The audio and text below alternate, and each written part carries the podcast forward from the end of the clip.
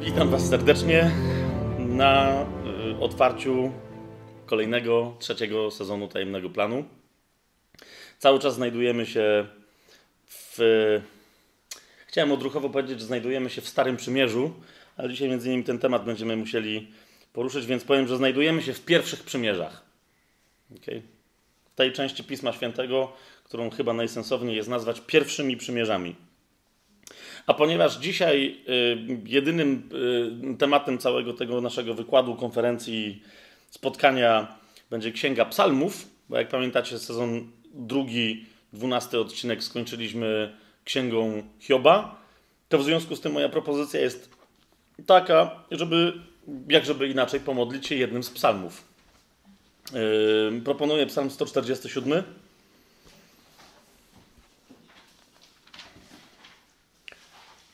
który jest po prostu czystym uwielbieniem, ale też odnosi się bardzo e, istotnie do tego naszego dzisiejszego tematu. Ponieważ ja nie chcę, żeby to dzisiaj była sucha opowieść o historycznych zagadnieniach związanych z księgą psalmów, psalmów ale o czymś tak y, konkretnym, o, o tak potężnej mocy wypływającej z tej księgi, jaka między innymi jest zademonstrowana w Psalmie 147. A zatem e, żadnych słów od siebie nie dodaję, tylko po prostu z, e, e, tłumaczenie z Biblii Warszawskiej czytam od początku do końca i razem ze mną to tłumaczenie prześledźcie. Chwalcie Pana, albowiem dobrze jest śpiewać Bogu naszemu, bo to wdzięczna rzecz. Pieśń chwały jest miła. Pan buduje Jeruzalem zgromadza rozproszonych Izraela. Pan uzdrawia tych, których serce jest złamane i zawiązuje ich rany. Wyznacza liczbę gwiazd, wszystkim nadaje imiona. Wielki jest nasz Pan i potężny w mocy, a mądrość Jego jest niezmierzona. Pan podnosi pokornych, bezbożnych poniża do ziemi.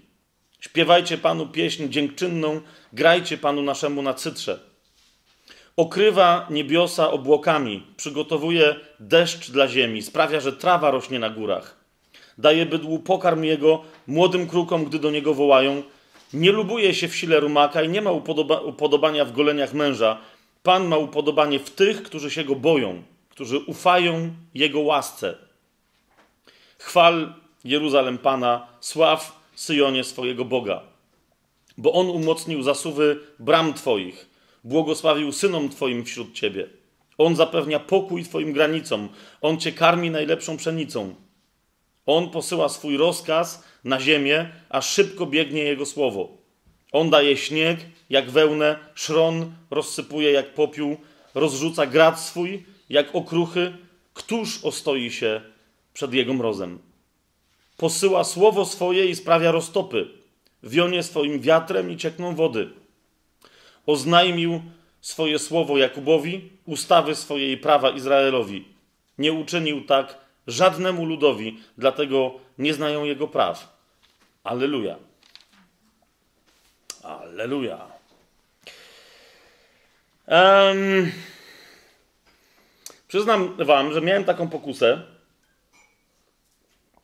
od y, paru dni i bardzo jasno dopiero na modlitwie musiałem rozpoznać, że to była pokusa, żeby się zająć księgą psalmów, zanim tam dotkniemy jakiegoś jednego czy drugiego tematu, e, jako rodzajem, e, jak to niektórzy chcą księgę psalmów przedstawiać, jako rodzajem streszczonej tory, albo wręcz streszczonego Pisma Świętego.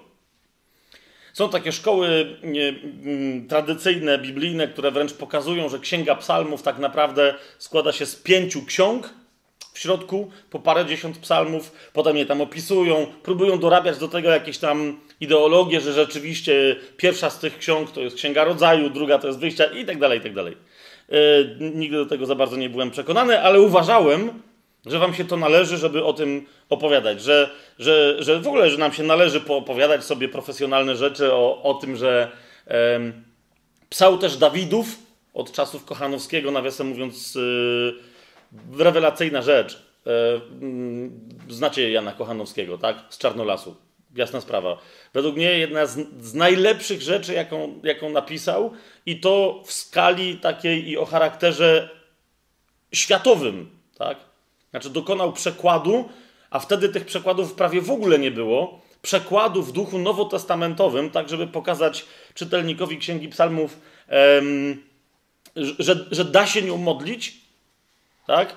Gdzie jest zawarta dobra nowina? Studi studiował i teologię, i języki, żeby tego przekładu e, dokonać. Wtedy na świecie był tylko jeszcze jeden, e, jeszcze tylko jeden Buchanana e, łaciński.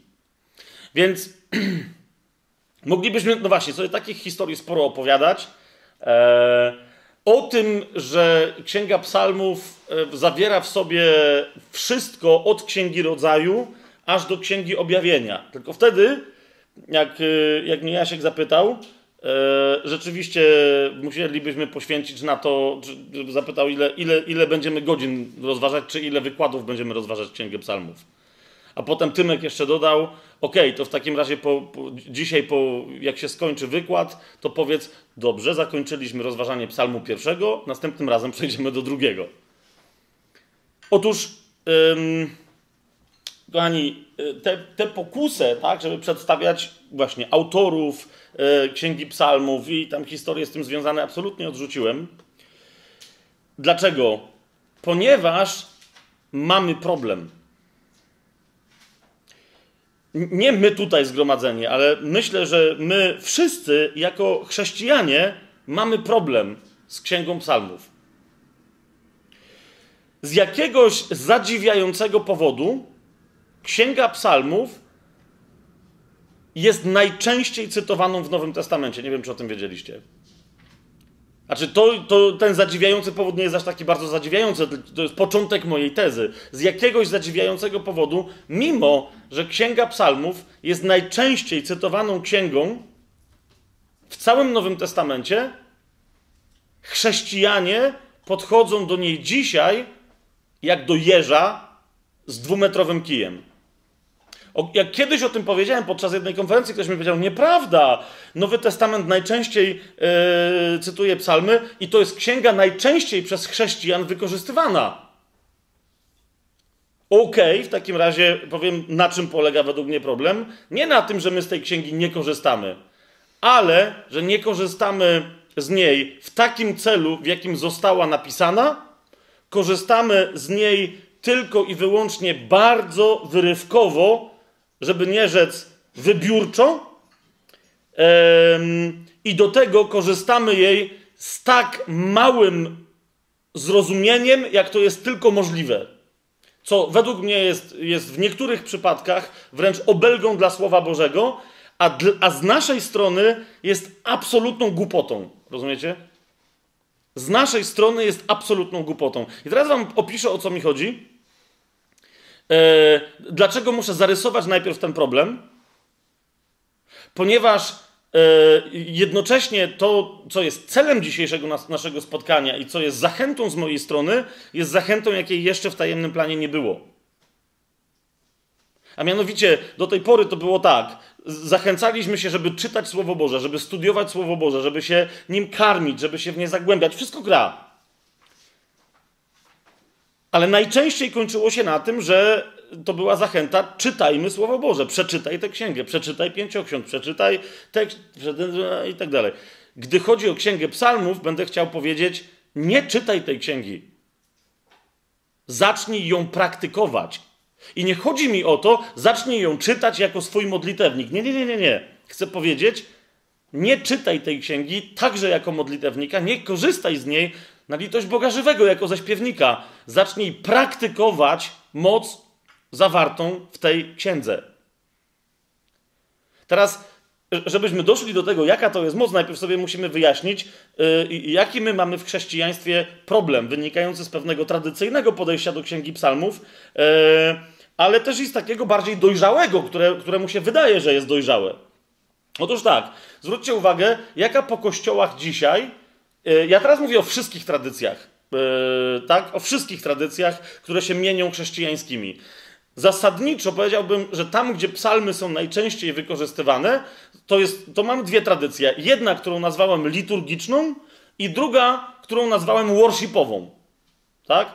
Na czym polega tradycja liturgiczna? Jeżeli ktoś z Was był kiedykolwiek w kościele, yy, na przykład w kościele rzymskokatolickim, w kościele prawosławnym, w kościele, nie wiem, luterańskim, w innych tego typu, wiecie, takich kościołach, gdzie jest jakaś liturgia sprawowana, to tam najczęściej, nie mówię, że wszędzie i nie mówię, że zawsze, ale tam najczęściej psalm jest rodzajem przerywnika do Słowa Bożego jest tak przedstawiony, że ludziom się niektórym wręcz wydaje, że to nie jest Słowo Boże, tylko że to jest forma piosenki. W niektórych na przykład yy, kościołach, jak przychodzi powiedzmy okres Bożego Narodzenia, tak zwanego, wręcz na przykład zamienia się psa, czyli jest tak, na przykład jest niedziela, czy jest uroczystość, tak? Jest e, czytanie pierwsze, potem ma być psalm, potem jest czytanie drugie, potem jest tak zwane Alleluja i potem jest Ewangelia. No wiecie o co mi chodzi, tak?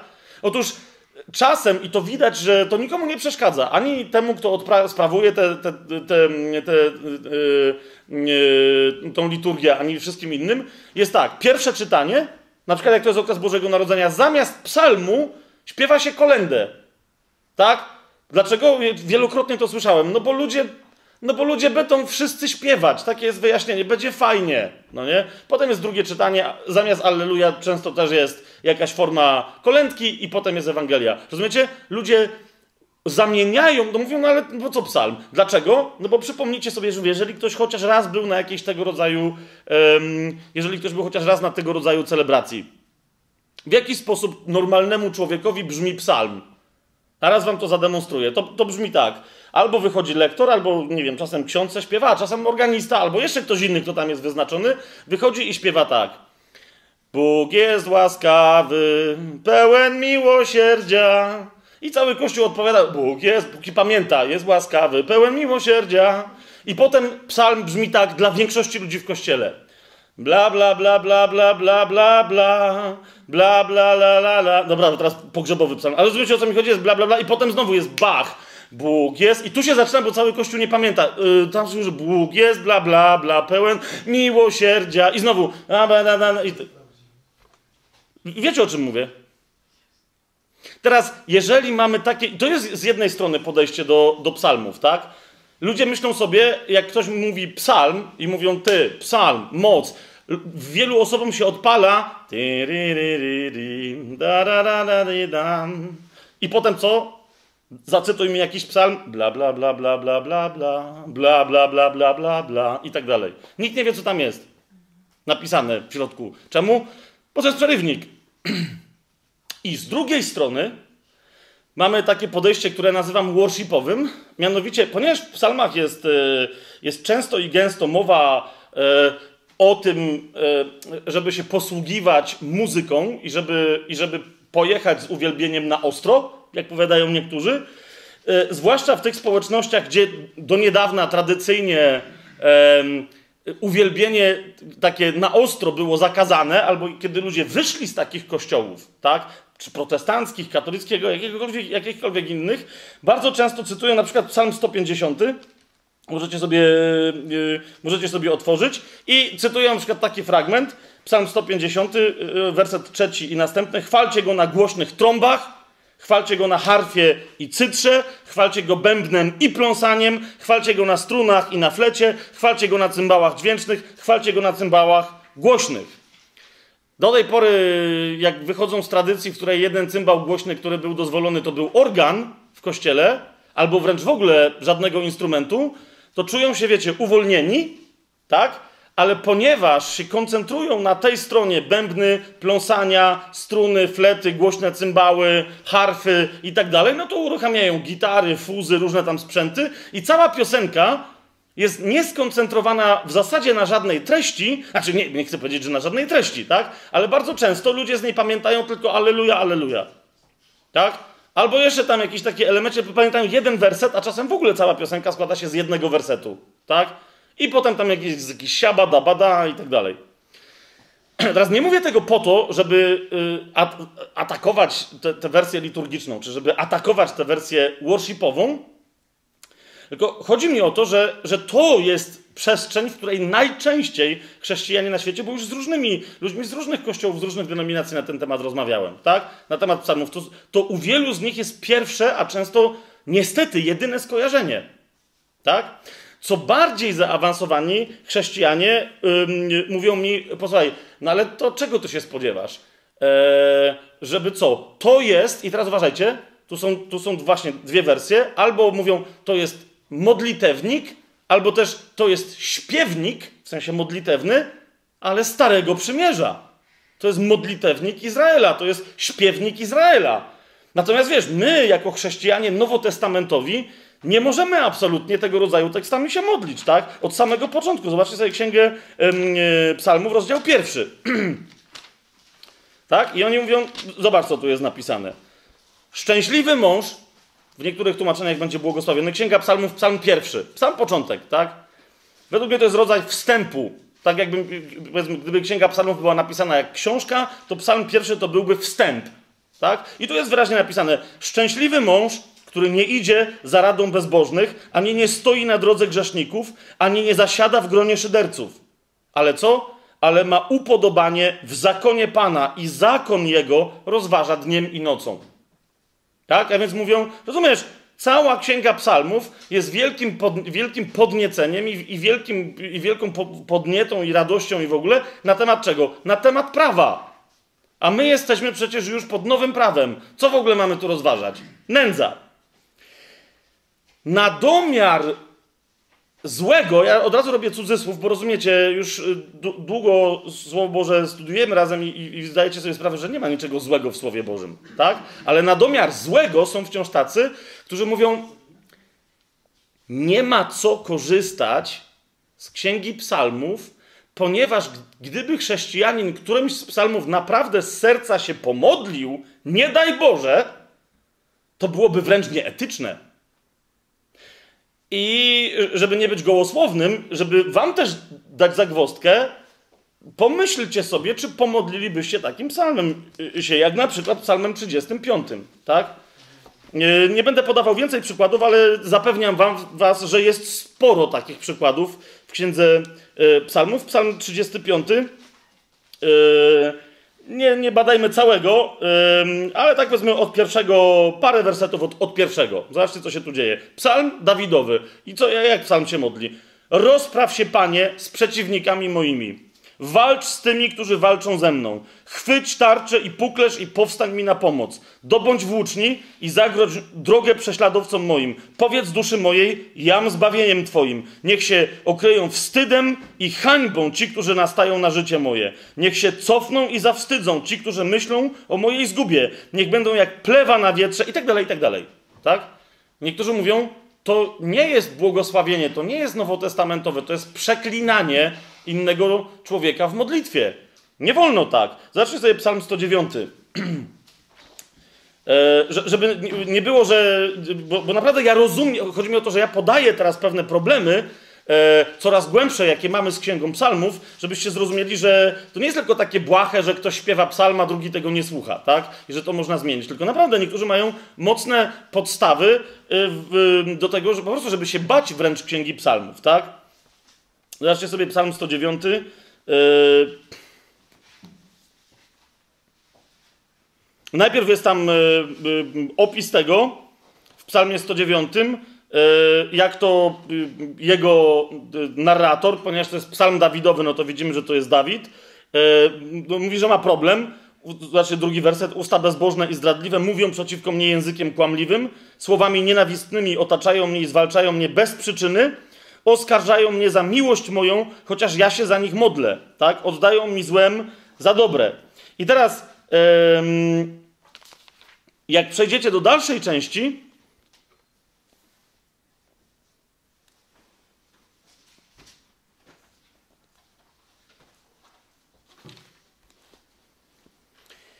w, w następnych fragmentach, zobaczcie, co się tutaj dzieje.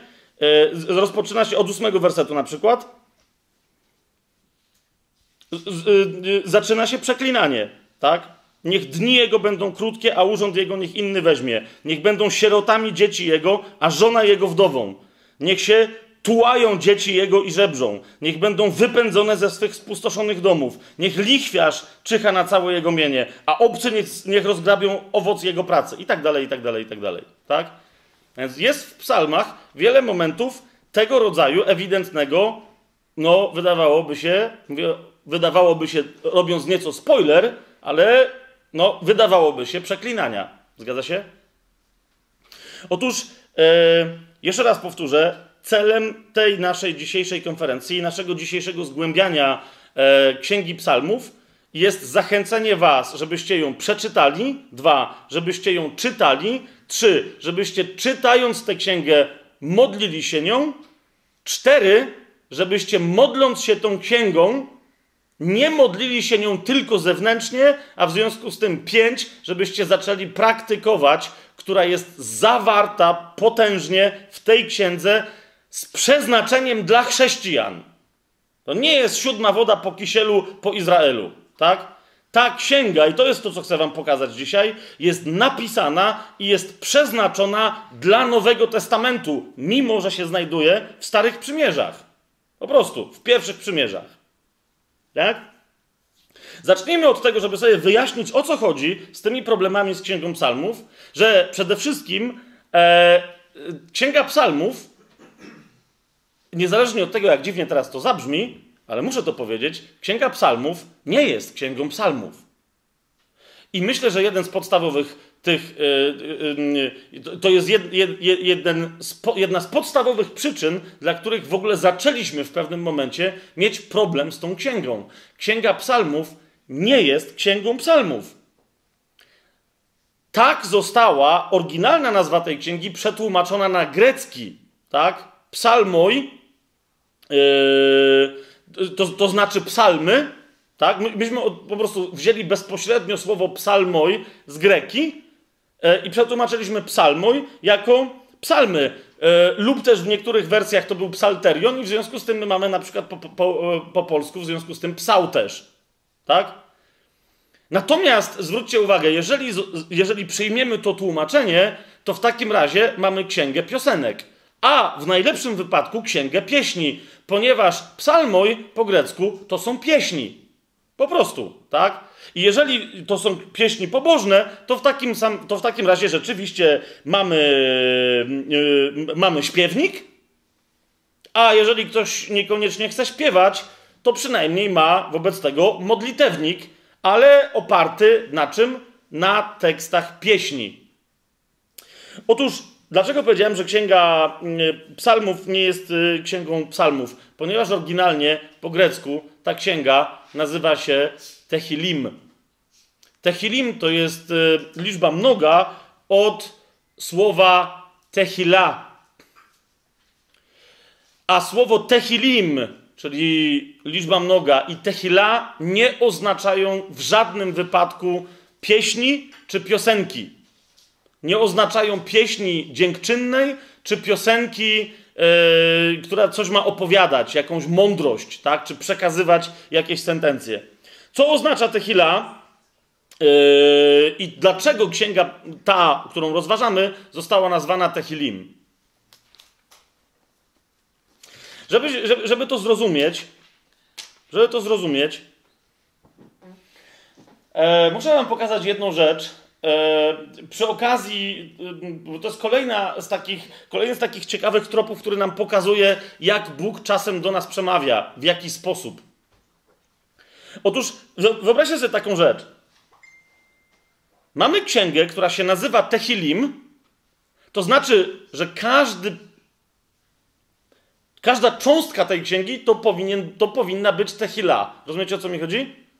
Czyli mamy 150 tehili książce, każda z nich to jest tehila. Rozumiecie, co, co do was mówię? Okej, okay. i dlatego księga nazywa się Tehilim, czyli że to są tehile. 150 tehili w księdze. Tak? Ale uważajcie, mimo że księga nazywa się Tehilim, zanim dojdziemy, co to oznacza, tak? W samej księdze tylko psalm, że wrócę do tej nazwy 145, de facto jest nazwany Tehila. Cała reszta ma inne koncepcje. Jeden tylko, e, w całej księdze, jeden tylko psalm jest nazwany Tehila, chociaż cała księga nazywa się Tehilim. Dlaczego? Otóż Tehila Otwórzcie sobie Psalm 145. Yy, w Biblii Warszawskiej tam jest genialne tłumaczenie. Psalm 145 nie jest oczywiście żadnym psalmem. Tak? Psalm 145, yy, po prostu tutaj jest numerek 145 i pod tym numerkiem jest napisane, co to jest. To jest hymn Dawida. Ok? Tehila oznacza hymn. Pieśń może być o różnych rzeczach. Może być o mądrości, może być o dziękczynieniu, może być o fajnych sprawach, o tym, jak Bóg stworzył wszechświat. Tehila zawsze w Biblii jest hymnem na cześć tego jednego, na którego można śpiewać cokolwiek z czcią. Tak? Cześć należy się komu tylko? Bogu. ok? A zatem mamy jedną tą cząsteczkę, która jest nazwana wprost gatunkowo Tehila. To jest Psalm 145. Ja od tej pory już się będę posługiwał tą nazwą. Tehila 145. Tak? Lub też hymn 145. Dlaczego cała reszta yy, hymnów w tej księdze nie ma w tytule czy we wprowadzeniu nazwy hymn? Dlatego, że tak sądzę, czytelnik tej księgi mógłby uznać, że każdy rodzaj hymnu, który się pojawia w tej książce, jest hymnem. I mielibyśmy po prostu nadal śpiewnik z piosenkami, tylko że te piosenki nazywałyby się hymnami. Natomiast jaki, jaki tu Bóg, według mnie, Duch Święty zastosował zabieg? Mówi tak. To jest hymn, który jest wzorem, który jest matrycą od którą macie przykładać do każdego innego hymnu w tej księdze, tak żeby rozumieć, jaka jest perspektywa w każdym innym hymnie w tej księdze. A zatem przyjrzyjcie się psalmowi yy, 145. Hymn Dawida. I zaczyna się od następującego sformułowania: Wywyższać Cię będę, Boże mój, królu, i błogosławić imieniu Twojemu na wieki. Otóż hymn, potem jeszcze yy, wam to mocniej pokażę, ale od razu na początku sobie zaznaczmy. Punktem centralnym każdego hymnu jest oddanie chwały Bogu. I teraz uważajcie, żebyśmy się tu co do tego bardzo dobrze rozumieli. Bardzo wiele osób twierdzi, że śpiewa pieśń uwielbienia, podczas gdy tak naprawdę śpiewają piosenkę dziękczynną. Niektórzy modlitwę swoją nazywają modlitwą uwielbienia, a de facto uprawiają dziękczynienie. Na przykład ludzie stają i mówią: Boże, dziękujemy Ci za ten dzisiejszy dzień, błogos bądź błogosławiony, super, tak wiele nam dajesz. I tak rozumiecie, i ktoś potem mówi: O, super była modlitwa uwielbienia. Nie, to nie była modlitwa uwielbienia. Ten psalm pokazuje nam wyraźnie, czym jest uwielbienie. Uwielbienie jest oddaniem czystej chwały Bogu, a więc jest opowiadaniem Jemu, Bogu, o tym, jak wielki jest, jak wspaniały jest, jak my tę wielkość dostrzegamy, jak się nią cieszymy. Jest wywyższaniem Jego dla Niego samego za nic. Rozumiecie o co mi chodzi? Uwielbianie Boga za coś jest już dziękczynieniem, tak? Proszenie Go o coś jest, no jest proszeniem. Hymn musi być czystą formą uwielbienia. Czy mamy jasność w tej kwestii?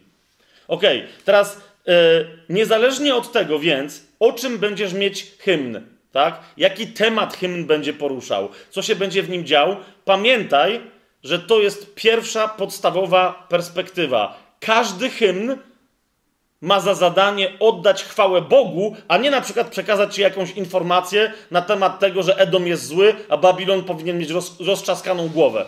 Tak? Nawiasem mówiąc, ci, którzy mówią, że w psalmach się pojawiają straszne rzeczy, to y, między innymi dzisiaj dotkniemy też psalmów, w którym, w którym wyraźnie Słowo Boże powiada, że błogosławiony jest ten, kto będzie roztrzaskiwać niemowlęta pochodzące z Iraku. Tak? I niektórzy mówią, no więc, czyli jeszcze raz, jeżeli nie zrozumiemy, czym jest hymn i po prostu potraktujemy sobie każdy psalm osobno jako piosenkę, która o czymś tam mówi i będziemy ją roztrząsać nie w myśli całej księgi, to dojdziemy do jakiegoś kompletnego kretynizmu, który ani w Nowym Testamencie, ani w Starych Przymierzach nie miałby żadnego sensu. Jeszcze raz, spójrzmy na psalm 145, tak? Tehila Dawidowa. Wywyższać Cię będę, Boże mój, Królu. błogosławić imieniu Twojemu na wieki. Co dzień błogosławić Ci będę i wysławiać imię Twoje na wieki. Wielki jest Pan i godziel, godzien wielkiej chwały, a wielkość Jego jest niezgłębiona. Widzicie ten trzeci werset? To jest podstawowe zadanie hymnu. Oddać Bogu chwałę, dlatego że jest godzien tej chwały. W objawieniu zobaczycie pieśń, którą, którą śpiewają Bogu i Barankowi, i, tam jest, i ta pieśń się składa ze stwierdzenia: Jesteś godzien przyjąć chwałę, cześć, uwielbienie, moc. Jesteś godzien, bo jesteś, bo taki jesteś. Tak? Zobaczcie, co tam dalej się dzieje. Od czwartego wersetu. Pokolenie pokoleniu głosi dzieła Twoje, opowiada o potędze Twojej. Głosić będą wspaniałą chwałę majestatu Twojego i cudowne sprawy Twoje. Mówić będą o potędze strasznych dzieł Twoich, opowiadać o wielkości Twojej. I tu uwaga, bardzo istotna rzecz, siódmy werset. Zwiastować będą pamięć wielkiej dobroci Twojej, a sprawiedliwość Twoją radośnie będą opiewać. Łaskawy i miłosierny jest Pan, nierychły do gniewu i pełen łaski. Jeszcze raz to powtórzę, ósmy werset. Łaskawy i miłosierny jest Pan, nierychły do gniewu i pełen łaski. Dobry jest Pan dla wszystkich. Dziewiąty werset. A miłosierdzie Jego jest nad wszystkimi Jego dziełami. Widzicie to? Ten jeden psalm, oczywiście potem sobie go poczytajcie do końca, ale ten jeden psalm, e, nie psalm, tylko hymn Tehila, definiuje, czym jest każdy inny hymn. Jeżeli coś znajduje się w księdze hymnów, Tehilim, to jest hymnem. I niezależnie od tego, co tam jest napisane, zrozum, że to, co tam jest napisane, i zaraz będziemy to sobie, pokażę wam na bardzo konkretnych, najbardziej kontrowersyjnych przykładach, tak? To, co tam jest napisane w pierwszej i podstawowej kolejności jest, jest napisane, aby oddać chwałę Bogu. Czy się rozumiemy? Tak? To jest jedno. A więc hymn jest skierowany do Boga. Dwa, bardzo istotna rzecz. Bóg jest postacią centralną każdego hymnu. Nie, nie ten, kto wywyższa Boga. Rozumiecie, o, czy, o czym mówię? Ten, który go wywyższa, nadal nie pokazuje na siebie i mówi: Zobacz, Boże, jak cudownie Cię chwalę, tylko mówi: Hej, przyłączcie się do mnie wszyscy, żeby uwielbić tego, którego ja uwielbiam. A więc jeszcze raz: hymn jest skierowany ku Bogu. W hymnie centralną postacią zawsze jest Bóg, do tego stopnia, że w niektórych hymnach, w tejże księdze hymnów, którą teraz rozważamy, a nie w księdze psalmów, że w, w niektórych, w wielu tych hymnach, e, tym, który mówi, narratorem, nie jest Dawid, Asaf czy jakiś inny autor, ale oni w imieniu Bożym prorokują. Sam Bóg mówi w psalmie do kogoś innego. Rozumiecie o co mi chodzi? Doskonale. Jak już to wiemy, zobaczcie sobie tylko księgę Nehemiasza, e, tak po prostu przy okazji. Pamiętacie, e, Ezdrasz, Nehemiasz, jeżeli już zdążyliście te księgi poczytać, no to pamiętacie, że oni tam mieli problem, że dopiero musieli znaleźć zwoje Pisma Świętego. Pamiętacie to, tak? Że tam nie wiedzieli, co jest grane, dopiero próbowali odnowić służbę świątynną, kto ma śpiewać, grać na lutniach, o co tam biega. I teraz otwórzcie sobie Nehemiasza 9 rozdział, 5 werset. To jest bardzo ciekawa rzecz powiedziana. Mianowicie yy, yy, tam powstało w tym piątym wersecie paru Lewitów i powiedzieli, tam są wymienione ich imiona, powiedzieli: Powstańcie, błogosławcie Pana, waszego Boga, od wieku aż na wieki. I teraz zobaczcie, na, na to wezwanie mamy komentarz: I błogosławili chwalebne imię tego, który jest wzniosły, uważajcie, ponad wszelkie błogosławieństwo a więc oni tam go błogosławili, ale jest powiedziane, że on jest wzniosły ponad wszelkie błogosławieństwo i co? Jaki tam macie tekst? I ponad co? I ponad uwielbienie. Okay? Tu jest dokładnie e, ten sam wyraz. Tu, tu, tutaj, jest, tutaj jest tehila. Tak? E, hymn jest uwielbieniem, a uwielbienie jest zawsze bezinteresowne, jest czystym zachwytem nad dobrocią Bożą jest czystym wyznawaniem wielkości, mocy wszystkich cudownych przymiotów Bożych. Tak? Ale tych, które są cudowne i które są dobre, jeszcze raz wam przypomnę Psalm 145, bo hymn zawsze widzi Boga. Ta, ta postać centralna hymnu jest jaka? 145 Psalm, 9 werset. Pan jest dobry. Dla kogo? Dla wszystkich. A miłosierdzie Jego jest nad, nad czym? Nad wszystkimi Jego dziełami. Mamy jasność? Jeszcze zajrzyjcie sobie do Nehemiasza, skoro już tam byliśmy, 12 rozdział, 46 werset.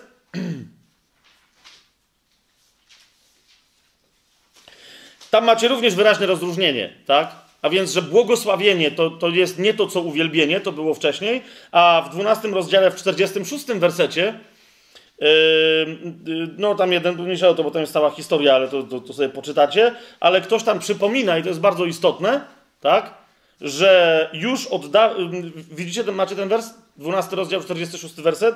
Już dawno, w czasach Dawida i Asafa, no to to są yy, potężni autorzy yy, księgi hymnów, księgi Tehilim, tak? Byli ustanowieni kierownicy śpiewaków oraz czego? Pień pochwalnych i dziękczynnych dla Boga. Widzicie to? Te pienia pochwalne tutaj to są również Tehilim, tak? A pienia dziękczynne to było coś innego, tak? Jeszcze raz, Tehilim to są hymny, to są uwielbienia, nazwijcie sobie je jak chcecie, to są chwały, to są wywyższenia, tak? Ale to nie ma niczego wspólnego ani yy, z prośbą o błogosławieństwo, ani, yy, ani z dziękczynieniem. Teraz yy, kolejną rzecz chcę, chcę Wam pokazać. Idziemy krok dalej i chcę, żebyście zobaczyli dosłowność tego słowa, które Wam teraz przeczytam. Ok? Ponieważ jeżeli to, co teraz Wam przeczytam, jest prawdą, a Pan Jezus wyraźnie powiedział, że Słowo Boże mylić się nie może w Ewangelii Janowej, i jeżeli to była prawda już dla Izraela, to o ileż bardziej to, co Wam teraz przeczytam, jest prawdą dla nas. Otwórzcie sobie Psalm 22. Nawiasem mówiąc, jak już niektórzy z Was y, kojarzą, co to jest Psalm 22, y, to, to, to miejcie dodatkowe ciarki na plecach, ok? Co to jest Psalm 22, jeszcze dzisiaj sobie powiemy, ale to jest w tym psalmie, w czwartym wersecie, w czwartym wersecie, zobaczcie, co jest powiedziane. A przecież Ty jesteś święty, to ten, kto tu mówi, mówi do Boga, mówi do Ojca, do tego, który jest dobry i tylko dobry. Zobaczcie, co jest napisane. Ty jesteś święty, Ty przebywasz w chwałach Izraela. Jakie mamy tu słowo, gdzie, gdzie mamy napisane chwały? Mamy słowo tehilim. Okay? Ty przebywasz, zupełnie swobodnie ktoś mógłby tu przetłumaczyć, tylko nie wiedział, rozumiecie, tłumacz tu się wyraźnie zawahał i poszedł na jakiś kompromis dziwny. To w ogóle nie wiadomo, co to znaczy, że przebywasz w chwałach Izraela, tak? Dajmy tu konkretnie hymn, tak? Dajmy tu konkretnie słowo hymny. Przecież Ty jesteś święty, Ty przebywasz w hymnach Izraela. Rozumiecie? Jeżeli człowiek z czystego serca, z czystej intencji oddaje czystą chwałę Bogu, nie po to, żeby w zamian coś od Niego dostać, ale po prostu, żeby, żeby, żeby Go uczcić, tak? Nie stawiając żadnego bałwana między sobą a Nim, nie, nie robiąc żadnych cudów, tylko po prostu w duchu i w prawdzie, tak? Oddaje cześć Ojcu, to co się dzieje? Ojciec w tym jest. Rozumiecie, o co mi idzie? Teraz, żeby, żeby pójdziemy jeszcze krok dalej, naprawdę to powinno niektórym postawić włosy dęba na głowie. Ponieważ Izrael miał taką pewność, dzięki Dawidowi, który tu e- ewidentnie jest prorokiem, który między innymi tą rzecz w tych swoich hymnach objawił, tak? Chociaż to nie jest jedyny autor e, e, całej tej księgi Tehilim. Ale widzicie, Izrael był tak pewny, że w hymnach swoich, kiedy czci Boga czystym sercem, Bóg sam jest, że uważajcie, posługiwali się swoimi hymnami, posługiwali się tym czystym uwielbieniem jako bronią. Tak? Otwórzmy sobie drugą księgę kronik. Yy, tylko jako jeden z przykładów, dlatego że tu nie mamy czasu, bo nie, to nie jest w ogóle cel teraz yy, bezpośredni tego naszego rozważania, tak? Ale otwórzcie sobie drugą księgę kronik, 20 yy, rozdział tej, tejże księgi. Yy, no, tam nie będę robił całego wprowadzenia, co tu się dzieje, to potem sobie możecie sami to odświeżyć. Zwłaszcza, że niektórzy to e, mogli na świeżo czytać. 20 rozdział, od 20 wersetu yy, yy, przeczytamy, tak? Tam Jehoszafat wyruszył na, na wojnę, mniejsza o to, no, no wiecie, wyruszył Izrael na wojnę, coś tam się dzieje, taki jest kontekst, tak? 20 rozdział, 20 werset. Zobaczcie, co się dzieje. Wstawszy wcześnie rano, wyruszyli na pustynię Tekoa. A gdy wyruszali, Jehoszafat stanął i rzekł: Słuchajcie mnie, Judejczycy i mieszkańcy Jeruzalemu. zawierzcie Panu, Bogu waszemu, a ostaniecie się. Zawierzcie Jego prorokom, a poszczęści się wam. A naradziwszy się z ludem, wyznaczył śpiewaków dla Pana. Widzicie, co się dzieje? W jaki sposób my mamy zawierzyć? Mówić, że ufamy Tobie, spoko, ale jednak uchroń nas. Rozumiecie? Jak, jak nie, jeżeli mówisz, powiesz ludziom, zaufajcie Bogu, to oni zaczynają prosić. ok? Jak zaczynają prosić, to zaczynają się bać, że mogą nie dostać tego, co pro... i tak dalej. Zaczyna się niewiara. Zupełnie nie tędy droga. Zobaczcie, co on mówi. Zaufajcie Bogu. I następny jego krok, naradziwszy się z ludem, wyznaczył śpiewaków dla Pana, którzy odziani w święte szaty mieli kroczyć przed zbrojnymi. Rozumiecie? In, inna rzecz, że to musieli być goście, którzy naprawdę mieli wiarę, tak? Rozumiesz, wychodzisz na front, masz przed sobą łuczników, masz przed sobą rydwany, masz przed sobą gości z mieczami, z włóczniami, tak? A, a, a swoich włóczników, swoje rydwany i innych gości za sobą. A ty jesteś kim? Śpiewakiem. Okej, okay, mamy tutaj jednego akurat, no nie śpiewaka, tylko rapera, ale wiesz o co mi chodzi, Kamil, tak? Wychodzisz, ale nic nie masz. Miecza, pistoletu, karabinu, nic, tak? Tylko wychodzisz i masz rapować. Co w ogóle jest grane. I teraz, i teraz patrz, bo, bo, bo teraz swoją drogą Wiele psalmów, e, to, to, to, to, już będę o tym, bo, bo specjalnie teraz Kamila trochę wywołałem e, z, z, e, do tablicy, bo, bo, bo, bo, nie wiem, czy później o tym powiem. Myśmy o tym rozmawiali dwa dni temu, tak?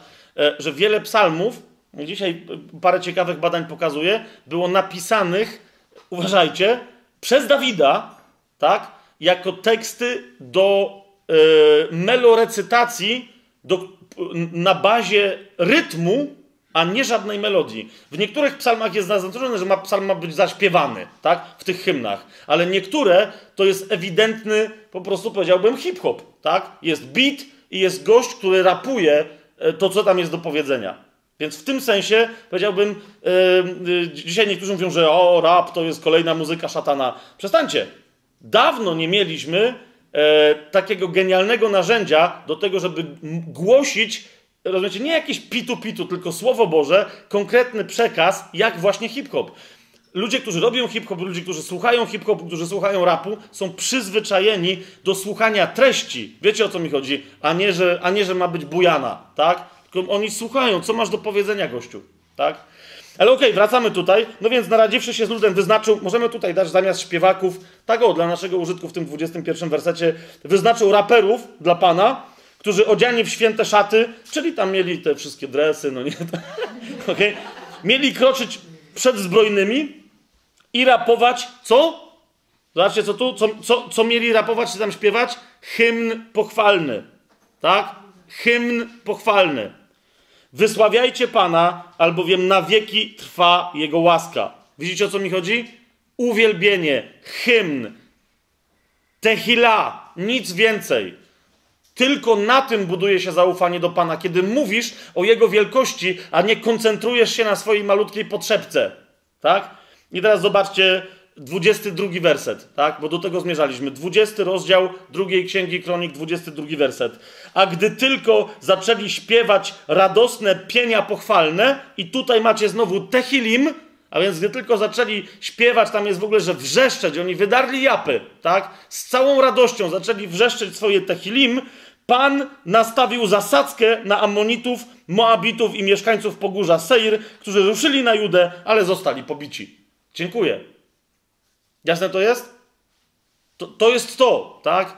Eee, Jehoszafat, który tutaj całą historią zarządza, wie o tym doskonale, że Tehilim, że Tehila, hymn, cześć, uwielbienie dla Pana jest, jest potężniejsze niż miecz, łuk, strzała, tarcza, rydwan, koń bojowy, czołg, pistolet, cokolwiek innego. Uwielbienie, czyste yy, uwielbienie dla Pana. Tym kontekście pokażę Wam tylko jedną rzecz, bo, yy, bo mój Boże, jakbyśmy się mieli tak w to zagłębić, to byśmy popłynęli bardzo daleko, ale w tym kontekście pokażę Wam jedną rzecz. Ku zaskoczeniu powiem, otwórzcie Ewangelię Mateusza, Otwórzcie Ewangelię Mateusza. Niektórzy tam mówią, że no, bo to była po prostu, to była ostatnia wieczerza, a to była wieczerza paschalna, a na wieczerzy paschalnej coś tam się śpiewa. Nie, nie, nie. Nie taki jest porządek wieczerzy paschalnej, nie wtedy się śpiewa, y, jak się śpiewa, a nawet jak się śpiewa hymn, to się nigdzie nie idzie. Więc y, kontekst jest bardzo jasny. 26 rozdział Ewangelii Mateusza. Jezus kończy swoje mowy przy ostatniej wieczerzy. Jezus, kończy swoje mowy przy ostatniej wieczerzy i idzie na wojnę. Na wojnę, na śmierć i życie, o nasze życie, żebyśmy nie musieli umrzeć śmiercią wieczną. Toczy wojnę, której nikt inny nie mógł stoczyć. Teraz ja wam nie powiem, yy, który to jest fragment, żeby wam parę zagadek zostawić, ale między innymi psalmy mówią, że nikt z ludzi nie jest w stanie zapłacić okupu za choćby jedną duszę, ponieważ jedna dusza jest za droga dla kogokolwiek, kto chciałby za nią zapłacić. Łapiecie? A tu jest gość, który idzie zapłacić za wszystkie możliwe ludzkie dusze. Tak? 26 rozdział sobie otwórzcie Ewangelii Mateuszowej, zobaczcie 30 werset. No tam jest 29 werset do Mateusza, tak? Jezus mówi ostatnią rzecz podczas y, ostatniej wieczerzy. Mówi, powiadam wam, nie będę pił od tego momentu, z tego owocu winorośli, aż do owego dnia, gdy napiję się go z wami znowu w królestwie Ojca mojego. I zobaczcie 30 werset. Odśpiewali hymn, a wtedy wyszli ku górze oliwnej. Rozumiecie, o co mi chodzi? Jezus również, bo według tu nikt inny, to jest jego inicjatywa. Jezus również, jak idzie on nawet na taką wojnę, bierze w łapę miecz Słowa Bożego, którym się miota proces Słowa Bożego, y, którym się miota potężne pociski Boże, czyli hymn. Tak? Uwielbienie, czyste uwielbienie. A zatem mamy pierwszą, y, myślę, że to już y, żeśmy sobie dosyć mocno uzasadnili, tak? Pierwsze pryncypium, gdy chodzi o księgę Tehilim, gdy chodzi o księgę hymnów. To brzmi, mają być czytane jako teksty o Bogu, w których Bóg jest centralny, a ten Bóg, który jest centralną postacią tychże hymnów, jest zawsze dobry, tylko dobry, dla wszystkich dobry, pod każdym względem dobry.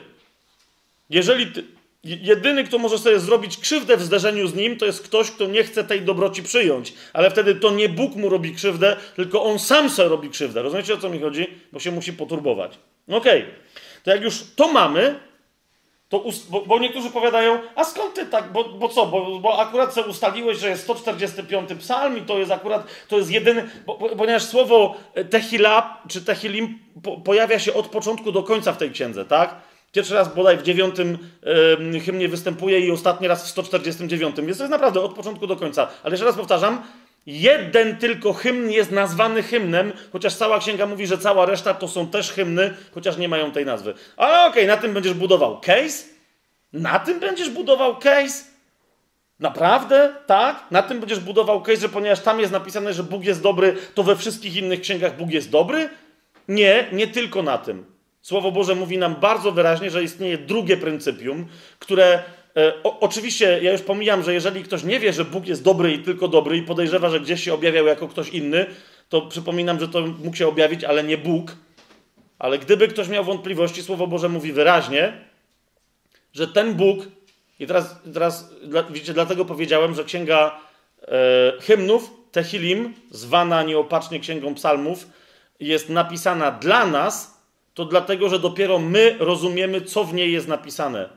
Otóż od początku, i idę z wami o potężny zakład, jakby się ktoś w ogóle chciał zakładać, od początku, od pierwszego psalmu do 150, w każdym psalmie, w każdym z tych hymnów, tym Bogiem, tą postacią centralną, która jest uwielbiana, która często mówi z tego psalmu, tym Bogiem, żeby być jeszcze bardziej specyficznym, tym Panem, który tam jest uwielbiany, jest Jezus, który jest Mesjaszem. Ok? I teraz nie Duch Święty, a nawet, a nawet uważajcie, bardzo często, y, mimo że tam jest współgranie, ale naprawdę pomimo tego współgrania, to w Księdze Psalmów naprawdę nie jest ojciec. Tak? Nawet jeżeli on wychodzi tam czasem na, na, na, yy, na pierwszy plan, to po to, żeby pokazać swojego syna. Szokujące. Okay? Naprawdę, gdybyśmy, gdyby ktoś dzisiaj przyszedł jakimś diabelskim, jakąś diabelską błazenadę urządził na całym świecie i wyrwał nam cały Nowy Testament?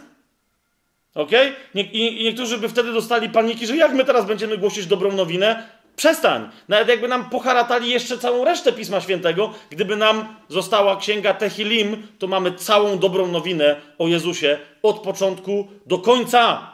Rozumiecie? Nie tylko historie stare o stworzeniu świata i tak dalej, ale mamy Jezusa od początku do końca.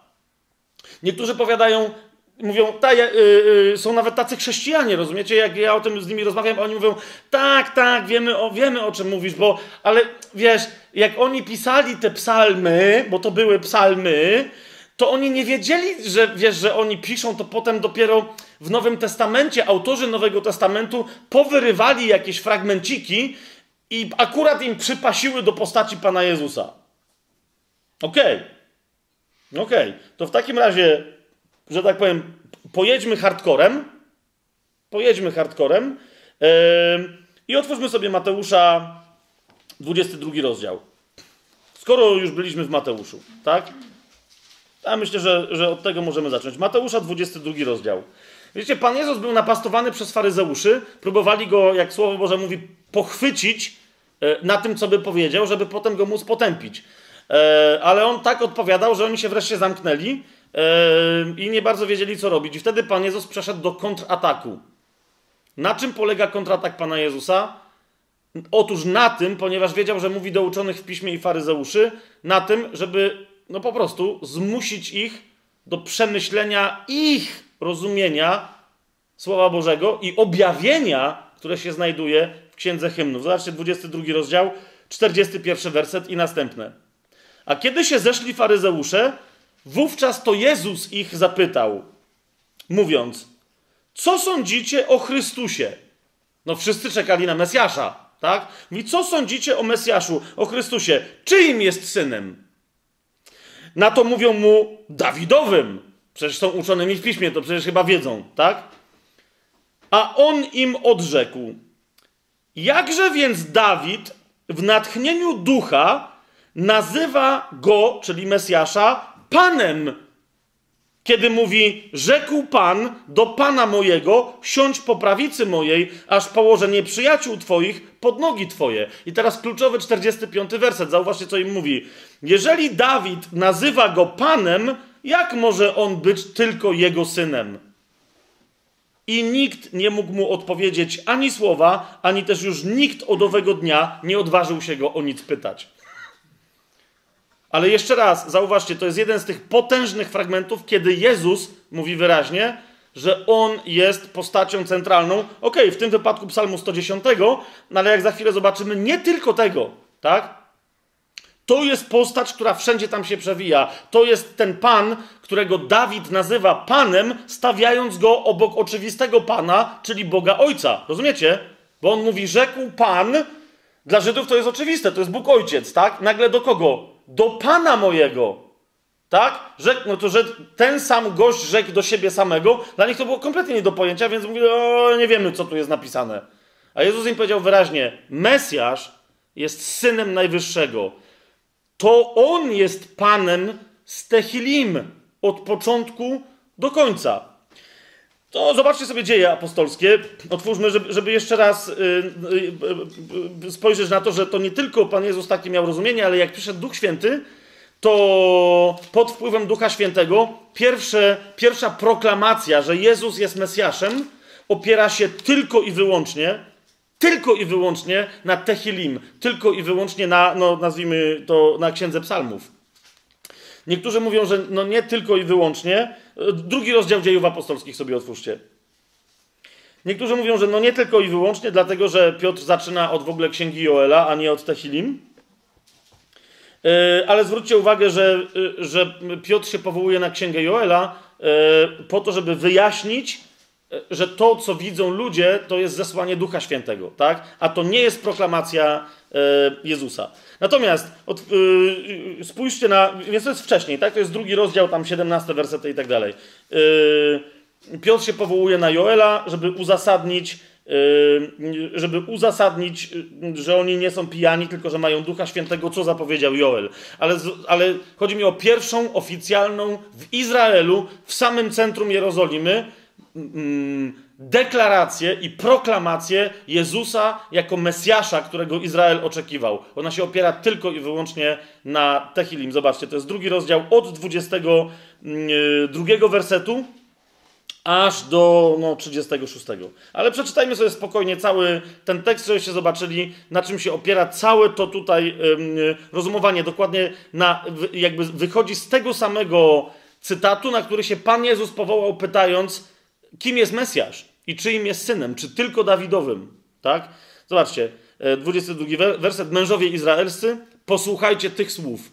I od razu jest z grubej rury, z najgrubszej jest hardcore. Jezusa Nazareńskiego, męża, którego Bóg wśród was uwierzytelnił przez czyny niezwykłe, cuda i znaki, jakie Bóg przez niego między wami uczynił, jak to sami wiecie, wiecie gdy według powziętego z góry Bożego postanowienia i planu został wydany, tego wyście rękami bezbożnych ukrzyżowali i zabili.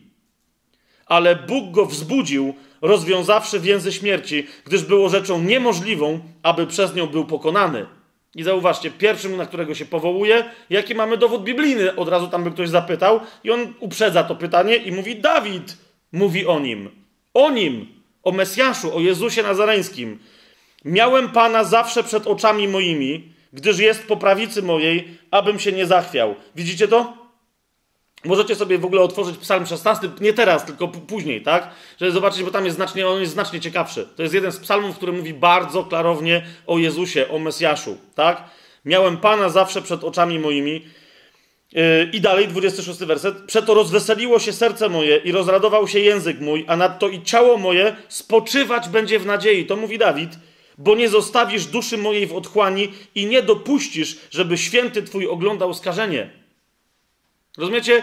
Dawid prorokuje, nie tylko prorokuje, ale w proroctwie wyznaje wiarę w to, że Jezus jest, ma moc wskrzesić z martwych. Widzicie to? Mówi, nie zostanę w grobie, ale Ty mnie z niego wyciągniesz. Dałeś mi poznać drogi żywota, napełnisz mnie błogością przez obecność Twoją. I dalej jest wyjaśnienie, Piotra, mężowie bracia, wolno mi otwarcie mówić do was o patriarsze Dawidzie, że umarł i został pogrzebany, a jego grób jest u nas aż po dzień dzisiejszy. Będąc jednak prorokiem i wiedząc, że mu Bóg zaręczył przysięgą, iż jego cielesny potomek zasiądzie na jego tronie, mówił, przewidziawszy to, o zmartwychwstaniu Chrystusa, że nie pozostanie w otchłani, ani ciało jego nie ujrzy skażenia. Tego to Jezusa wzbudził Bóg, czego my wszyscy jesteśmy świadkami. Kapujecie? Jest proklamacja zmartwychwstania. Wy, na bazie czego? Na bazie Tehilim. Tak?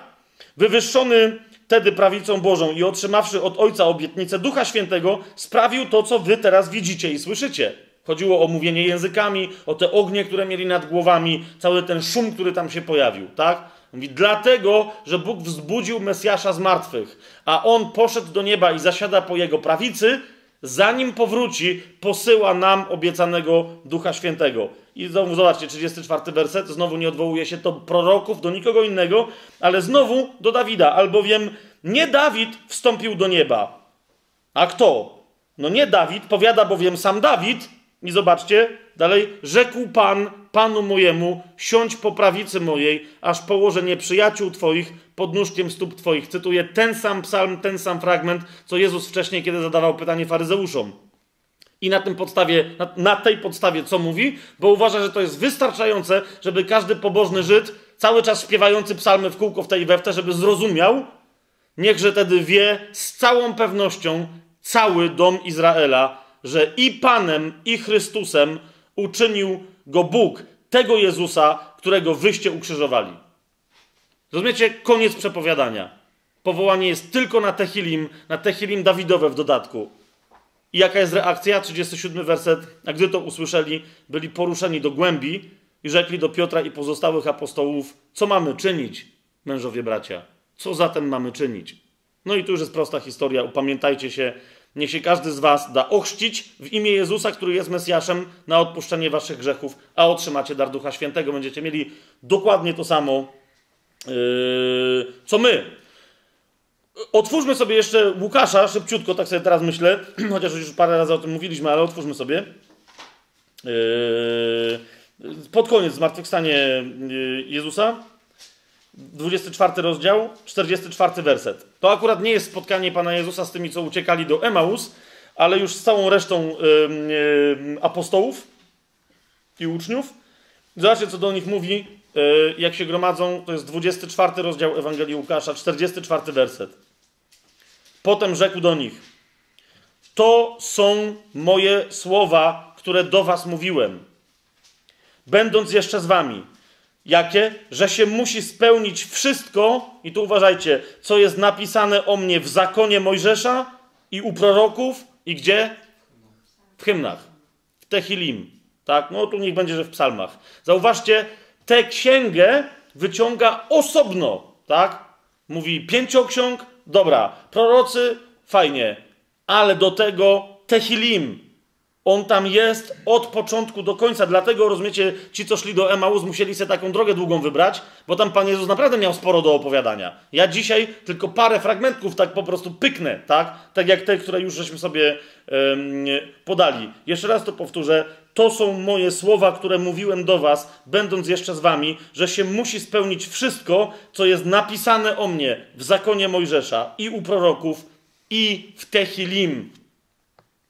Yy, jak to mamy, to właśnie teraz chciałem Wam pokazać. Yy, wiecie, bo to jest pierwsza moc, tak? Żebyście nie tylko mi wierzyli na słowo, ale żebyście czytając Tehilim, żebyście w każdym Tehilim najpierw widzieli Boga i wiedzieli, że to jest Jezus, który tam się objawia. Widzieli Pana, który tam jest czczony i widzieli, że to jest Jezus. Ponieważ widząc Jezusa będziecie zawsze pamiętać, że, o, że On jest dobry. Kto mnie widzi, ten widzi i Ojca. A Jezus jak przyszedł, jaki przyszedł, tak? Trzciny nadłamanej nie dołamał, tak? I knotka tlejącego nie dogasił Pełne miłosierdzie, pełna dobroć i tylko dobroć. Teraz, gdzie Jezus jest zapowiedziany, albo e, inaczej, bo niektórzy właśnie mówią, że no tak, tak, tak, wy teraz szukacie. E, najpierw wam pokażę pewien fragment, który Jezus sam wskazuje, żeby wam pokazać, że naprawdę Jezus nam mówi: czytajcie te Hilim tak, żeby mnie wszędzie widzieć, bo ja tam wszędzie jestem. Ale niektóre, co, co bardziej mięsiste fragmenty musi pokazać, tak? musi pokazać wprost, żebyśmy my się tego nauczyli. Yy, otwórzmy sobie Ewangelię Jana. Yy, po prostu, yy, ja wam wszystkiego nie powiem. Macie, wiesz, wiecie, 150 hymnów i, i, i, radość teraz odkrywania w nich Jezusa, a, a, potem jeszcze wam powiem, co dalej, tak? Rozumiecie, jeżeli dla Izraela hymny to była broń, to zaraz będziemy mówić, jaka to jest dla nas broń. I będziecie, myślę, nawet najbardziej zaangażowani siostry i bracia chrześcijany, naprawdę możecie być w pewnym momencie zaskoczeni. Psalm, e, nie psalm, tylko e, Ewangelia Jana, 13 rozdział.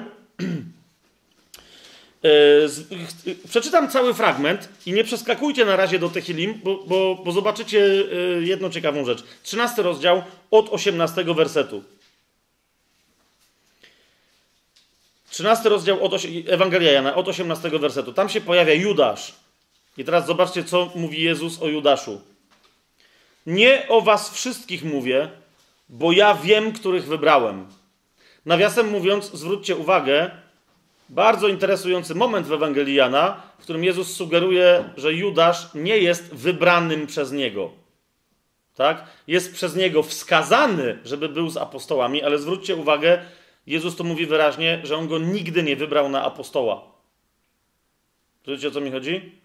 Zawsze było 11, aż dopóki nie pojawił się w pewnym momencie 12.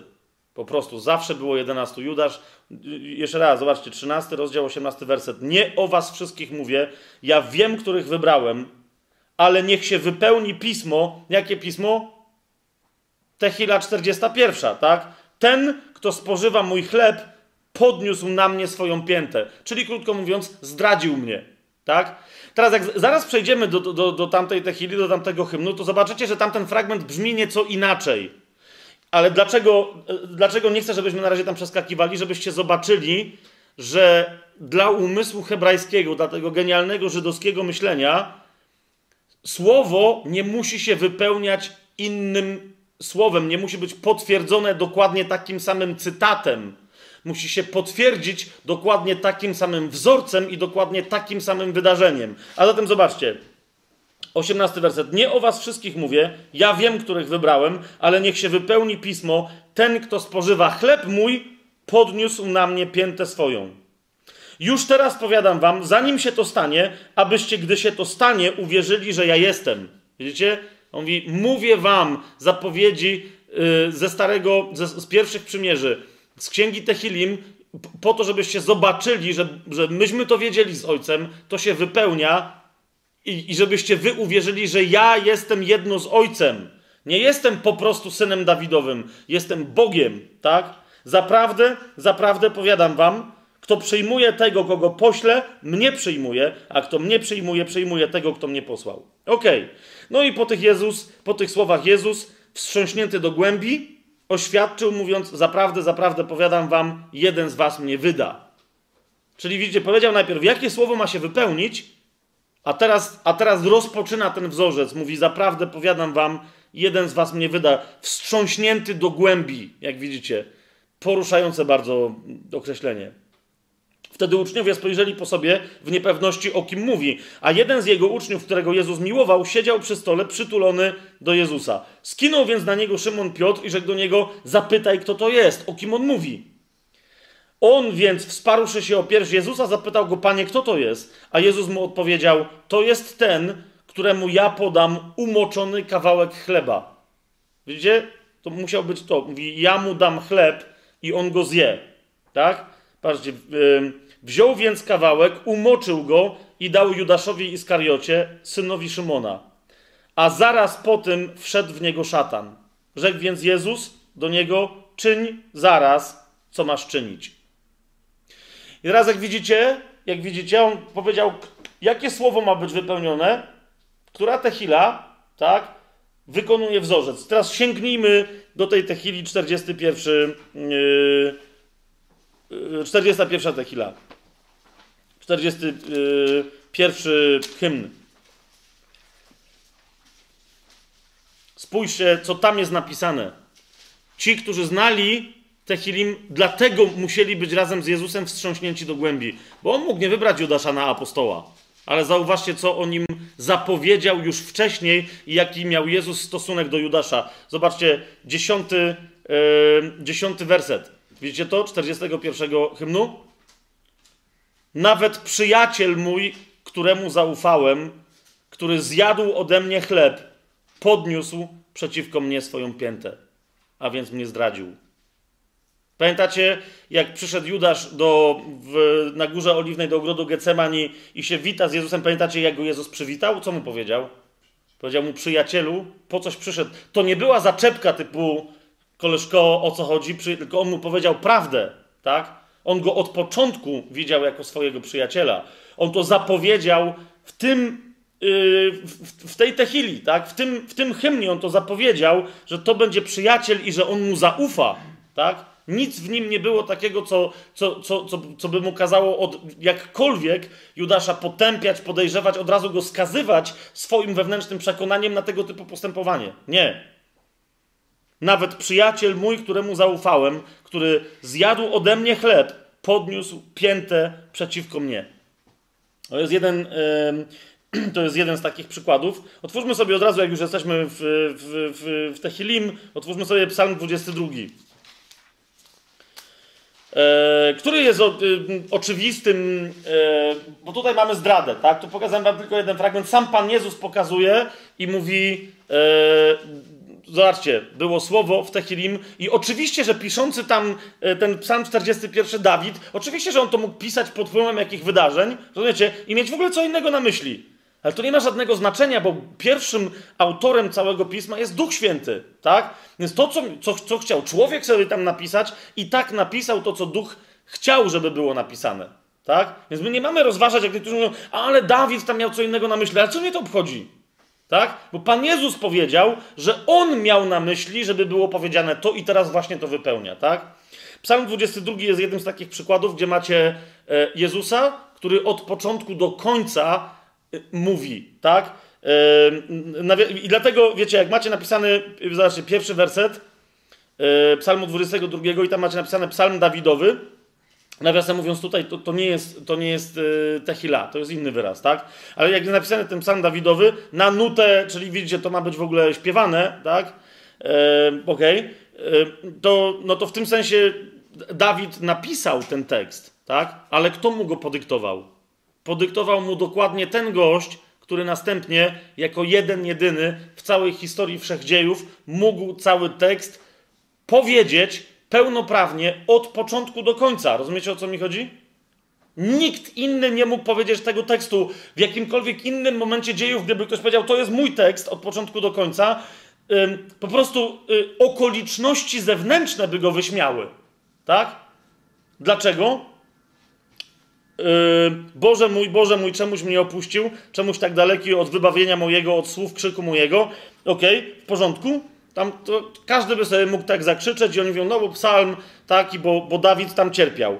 Okej, okay, ale znajdźcie mi fragment, w którym Dawid aż tak bardzo cierpiał, że byłby przybity do drzewa, że byłby cały mm, rozciągnięty, że pękłoby mu serce, że, że no, jeszcze raz, bo już parę razy to robiliśmy, ale jeszcze raz, yy, jeszcze raz się temu yy, przyjrzyjmy. Zobaczcie, od 13 wersetu.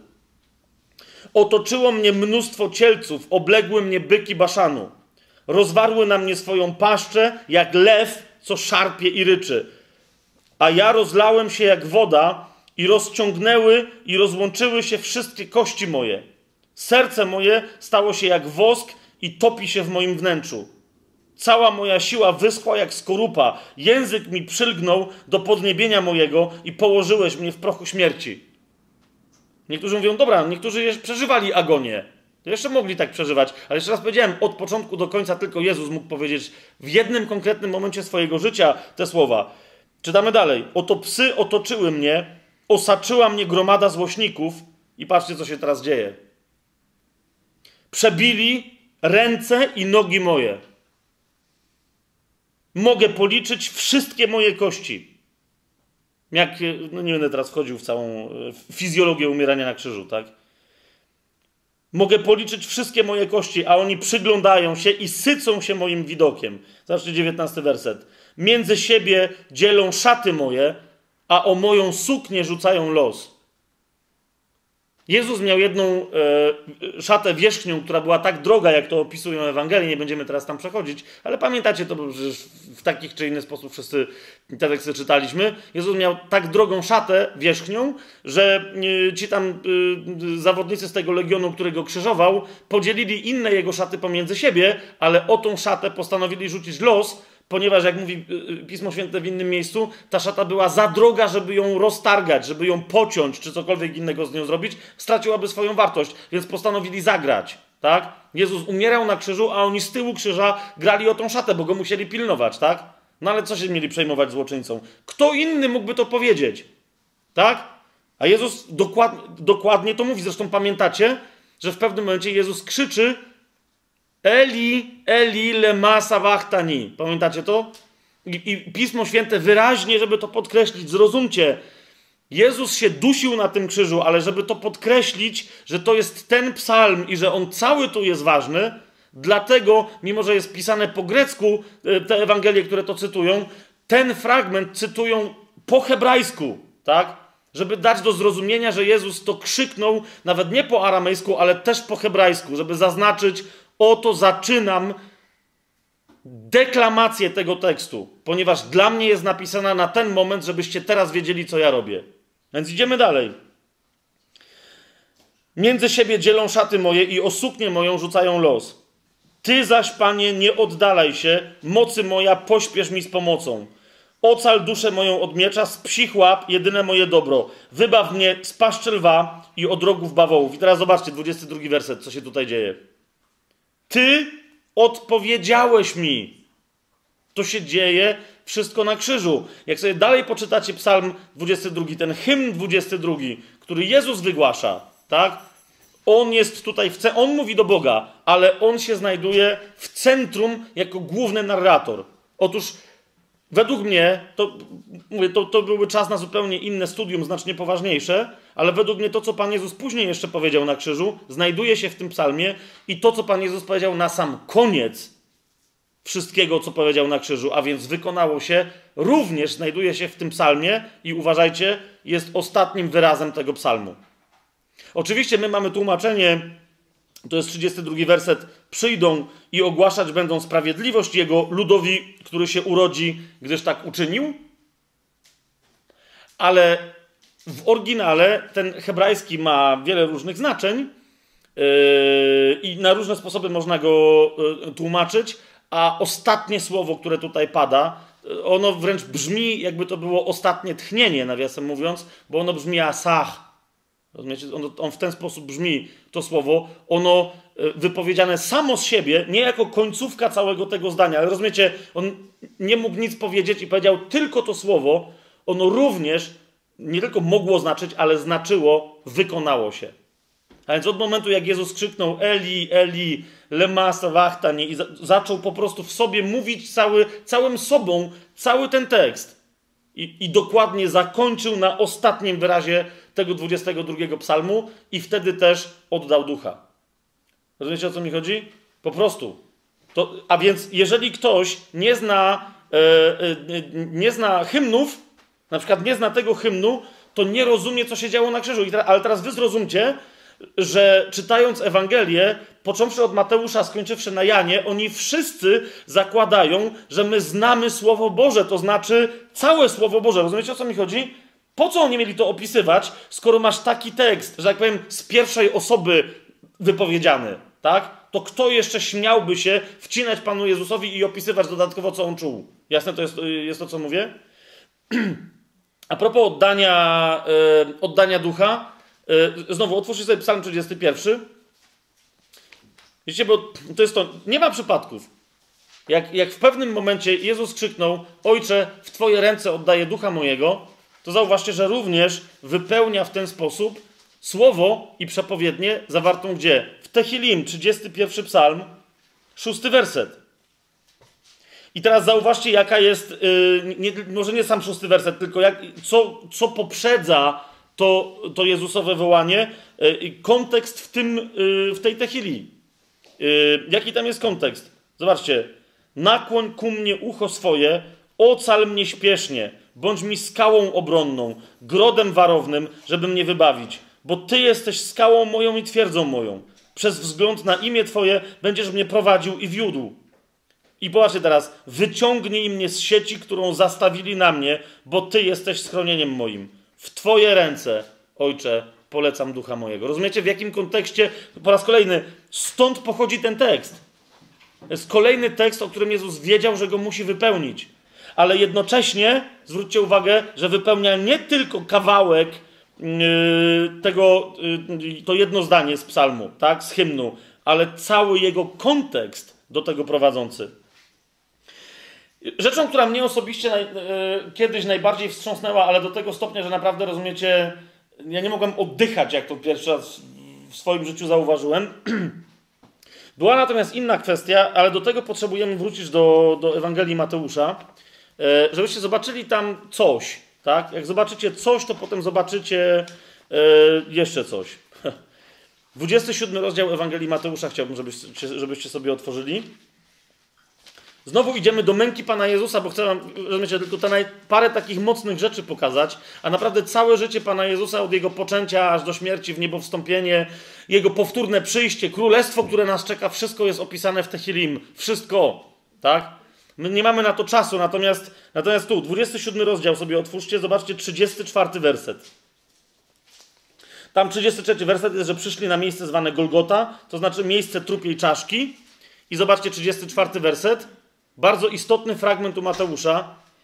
Dali mu do picia wino zmieszane z żółcią i skosztował je, ale nie chciał pić. Widzicie to? Ok, to teraz przeskoczmy szybko, czyli najpierw była historia, dali mu do picia wino zmieszane z żółcią, skosztował, ale nie chciał pić. Bardzo to jest istotne, tak? A potem przeskoczmy sobie szybko do 48 wersetu. To jest y, właśnie po tym, jak, jak Jezus za, zaczął wołać Eli, Eli, lema sabachta, nie widzicie 46 werset? A więc zaczyna odmawianie tego ostatecznego psalmu. Oni tam mówią, że Eliasza woła i wtedy zobaczcie, zaraz pobiegł jeden z nich, wziął gąbkę, napełnił octem, włożył na trzcinę i dał mu pić. Widzicie to? Czyli na początku Jezus dostał, 34 werset, dostał wino zmieszane z żółcią, ale nie chciał pić. Potem e, podali mu ocet na gąbce na hizopie, tak? I Mateusz tylko to, on to zostawia, bo dla niego to jest oczywiste, ponieważ Ewangelia Mateusza jest pisana do Żydów, więc on nawet tego nie komentuje, tylko mówi, sami rozumiecie, tak? No ale chrześci chrześcijan tacy są Żydzi, że mówią, yy, w ogóle nie zajarzyliśmy, że coś tu mamy zrozumieć.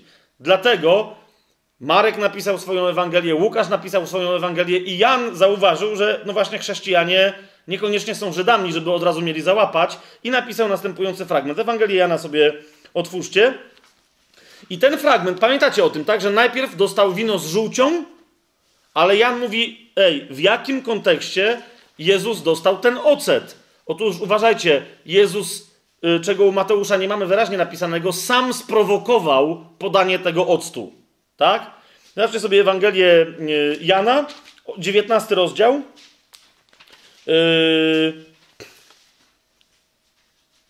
28 werset najpierw. Jak to zobaczyłem, słuchajcie, naprawdę przez pewien moment nie mogłem oddychać, tak, tak, tak mnie zatkało. Po prostu powietrze, nie wiedziałem, w którą stronę mam co robić z przeponą. Tak? 28 y, werset 19 y, rozdziału. Zobaczcie. Potem Jezus, wiedząc, że się już wszystko wykonało, ale zwróćcie uwagę, co się dzieje. Co on na końcu będzie krzyczeć? Zobaczcie, 30 werset. Co, co on będzie krzyczeć? Wykonało się, tak? Ale bo, więc, więc wiedząc, że się wszystko wykonało, powinien co zrobić? Krzyknąć, wykonało się, tak? Bo się wszystko wykonało, no oczywiste. A zauważcie, co się tutaj dzieje. Dla mnie to było tak poruszające, nadal jest. Jezus wiedząc, że się już wszystko wyko wykonało, aby się jeszcze wypełniło pismo. Nie ma tego jeszcze i całe, ale ja bym to tak przetłumaczył. Aby się jeszcze wypełniło całe pismo. Krótko mówiąc, wszystko, co miało być wykonane, on zrobił. Ale rozumiecie, gość jest krok przed śmiercią, przed dokonaniem dzieła, i on jeszcze w głowie ma, będąc słowem wcielonym, że jest jeszcze jedno słowo, które gdyby umarł i powiedział, wykonało się to, to jedno słowo by się nie wykonało. Rozumiecie o co mi chodzi? Znaczy, i nie byłoby problemu, bo wszystko się wykonało, ale to słowo by się nie wypełniło. Krótko mówiąc, prowokuje, żeby się wypełniło jakieś słowo, o którym w ogóle nikt by nie zajarzył, gdyby on tego nie zrobił. A on pamięta, po prostu, on, słowo wcielone, pamięta, co sam o sobie zapowiedział. A więc zobaczcie, mówi tak. Yy, I dlatego Jan to komentuje, mówi, zrozumcie to. To jest słowo wcielone. Nasza miłość do słowa powinna być taka jak jego. Wiedząc, że się już wszystko wykonało, ale żeby się jeszcze wypełniło całe pismo, powiedział: Pragnę i wtedy, zobaczcie, bo to wcześniej nie było opisane, Jezus to sprowokował, tak, żeby się wypełniło pismo. I wtedy stało tam naczynie pełne octu, włożysz, włożywszy więc na pręt hizopu gąbkę nasiąkniętą octem, podali mu do ust. A gdy Jezus skosztował octu, i teraz jest widzicie pytanie, czemu w takim razie tego wina z żółcią nie skosztował, a tego octu skosztował, tak? A gdy Jezus skosztował octu, wtedy dopiero rzekł, wykonało się i skłoniwszy głowę, oddał ducha. Psalm 69 y, sobie otwórzmy. Czy hymn 69 sobie otwórzmy.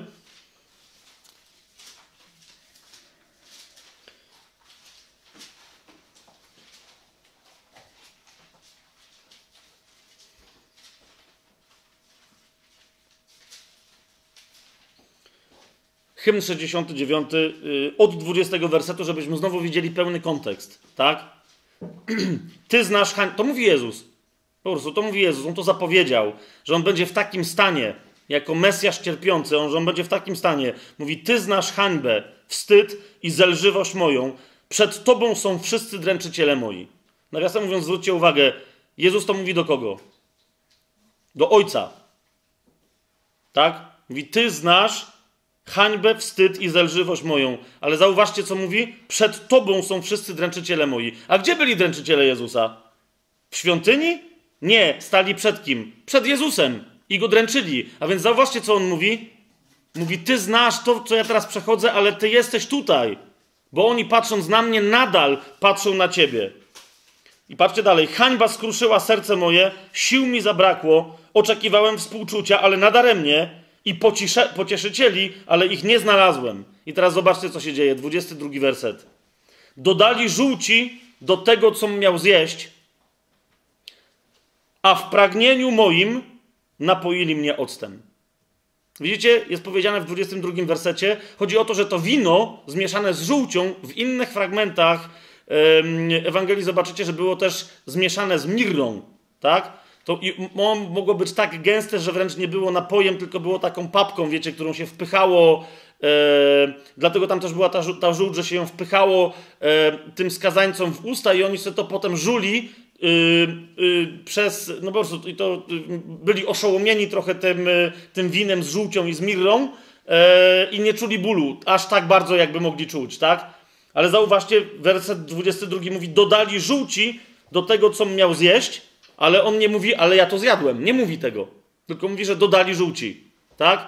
Żeby mieć pełne pragnienie, również z tego powodu on nie wziął yy, tego, co zmieszali z żółcią. A jak już pragnął, naprawdę, pra, naprawdę pragnął, wtedy zauważcie, co mówi yy, yy, ta techila. W pragnieniu moim napoili mnie octem. To znaczy, że Jezus okay, wiedział, że mu mają podać ocet, a jak mu podadzą ocet, to musi go trochę skosztować, ponieważ w pragnieniu został tym octem napojony, a więc go wypił. Rozumiecie o co mi chodzi? Gość już się wszystko wykonało, tak?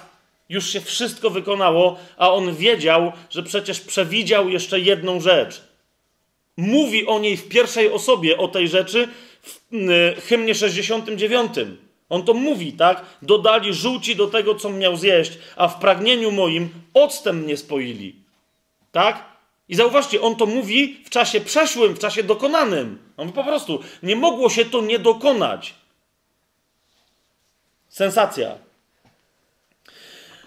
Zatem widzicie, i oczywiście my możemy tak długo, jeszcze raz powtarzam, nie ma psalmu, w którym by nie było Jezusa. Jasne to jest?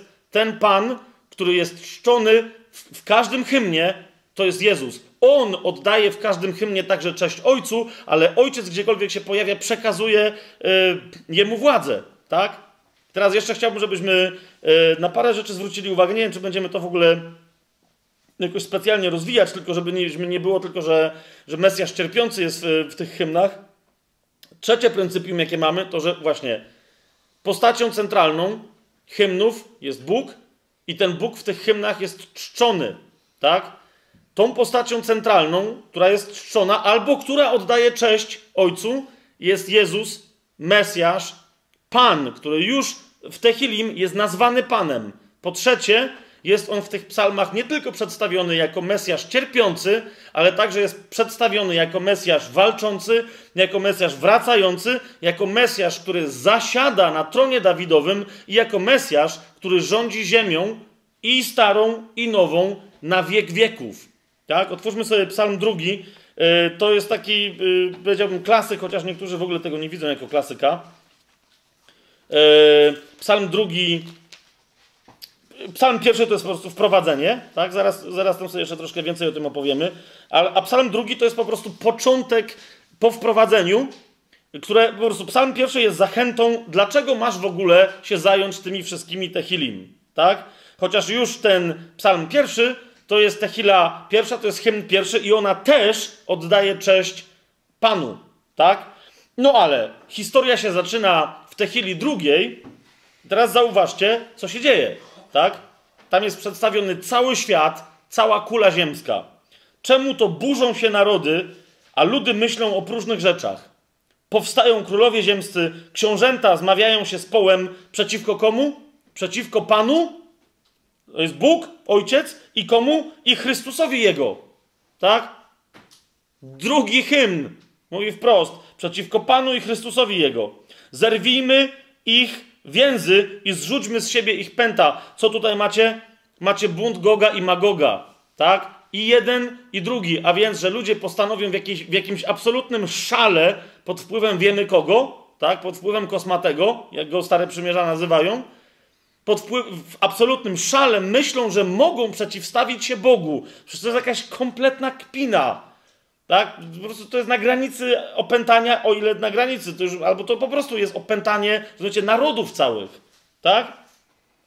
I tu macie czwarty werset, yy, tu macie ten cały kontekst wszystkich, wszystkich, absolutnie wszystkich hymnów. Ten, który mieszka w niebie, śmieje się z nich. Pan im urąga. Wtedy przemówi do nich w gniewie swoim i gwałtownością swoją przerazi ich. Ja ustanowiłem króla mojego na Syjonie, na mojej świętej górze. Tym królem oczywiście wiemy, że jest pomazaniec, tak? Jest Chrystus, jest Mesjasz. Ogłoszę zrządzenie Pana. I teraz zauważcie, kto to mówi, tak? Bo pierwszy mówi co? No ewidentnie to musi powiedzieć ojciec, bo ojciec ustanawia swojego syna królem na Syjonie. Zgadza się? Ale głos potem przechodzi do kogo? No właśnie, znowu głos przechodzi do Jezusa i on, on mu odpowiada, więc wobec tego ja ogłoszę zrządzenie Pana, tego Pana, który jest Ojcem. On do mnie rzekł, synem moim jesteś, dzisiaj cię zrodziłem. Nawiasem mówiąc, wiecie, jak się dobrze przejrzycie to, to słowo, e, z tej techilii jest również wypełnione i, i Ewangelii o tym mówią dosyć wyraźnie. Tak? Proś mnie, a dam ci narody w dziedzictwo i krańce świata w posiadanie. Znowu mówi ojciec, tak? Rozgromisz je berłem żelaznym, roztłuczesz jak naczynie gliniane. No i tu bym powiedział, że prawdopodobnie Duch Święty się y, odzywa na koniec po tej rozmowie ojca z synem, bo on daje, y, jakby pokazuje tą rozmowę ojca z synem i on mówi do narodów, jako ten, który jest posłany, żeby nas pocieszać, ale też, żeby nas pouczać. Bądźcie więc wobec tego, co wam pokazałem, rozsądni królowie, i przyjmijcie tę przestrogę ode mnie, sędziowie ziemi. Służcie Panu z bojaźnią i weselcie się, z drżeniem złóżcie mu hołd, żeby się nie rozgniewał i żebyście nie zgubili drogi, bo może zapłonąć gniewem. Szczęśliwi wszyscy, którzy mu ufają. Wiecie o co mi chodzi? Niektórzy mówią, no przecież tu już się pojawia Bóg zły. Nie, nie pojawia się. On tylko mówi, zrozumcie, w pewnym momencie przyjdzie dzień pański. I jeżeli wy nie będziecie w tym dniu ufać Bogu, po prostu to się sami o ten dzień roztrzaśniecie, bo Bóg nie będzie przeciągał w nieskończoność momentu swojego przyjścia i osadzenia swojego pomazańca na tronie na Syjonie, co obiecał z dawien dawna Dawidowi. Mamy jasność? Teraz jak sobie e, popatrzę, weźmy na przykład psalm 20, to tylko tak po prostu, tak żeby, żeby wam to pokazać. Pamiętacie, psalm 22 to jest to, co Jezus mówi centralnie na krzyżu, z krzyża, tak? Ale to sobie zobaczcie teraz, jaki, jaką mamy w wielu momentach Tehilim, jaką mamy genialną ciągłość. Popatrzcie na to, psalm 20. Czyj to jest psalm? Co się tutaj dzieje? W którym, w którym mamy prośbę za pomazańca, tak? Kto się tu modli? Za kogo?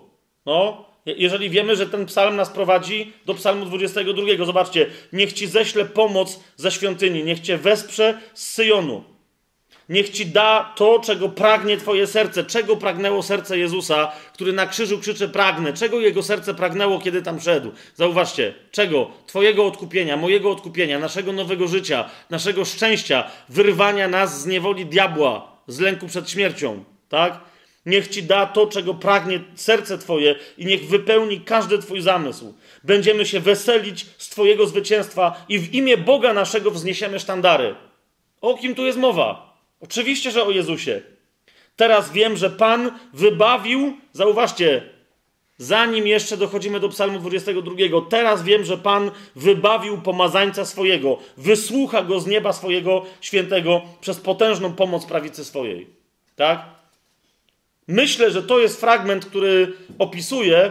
Nie chcę teraz się za bardzo w to zagłębiać, bo będziemy mieli listu Hebrajczyków kiedyś, to, to tutaj wrócimy, ale myślę, że to jest fragment, który opisuje modlitwę Jezusa w ogrójcu który był przerażony w ogrójcu i diabeł tam wrócił. To była godzina diabła, kiedy znowu miał ukusić to, co Jezus zapowiedział.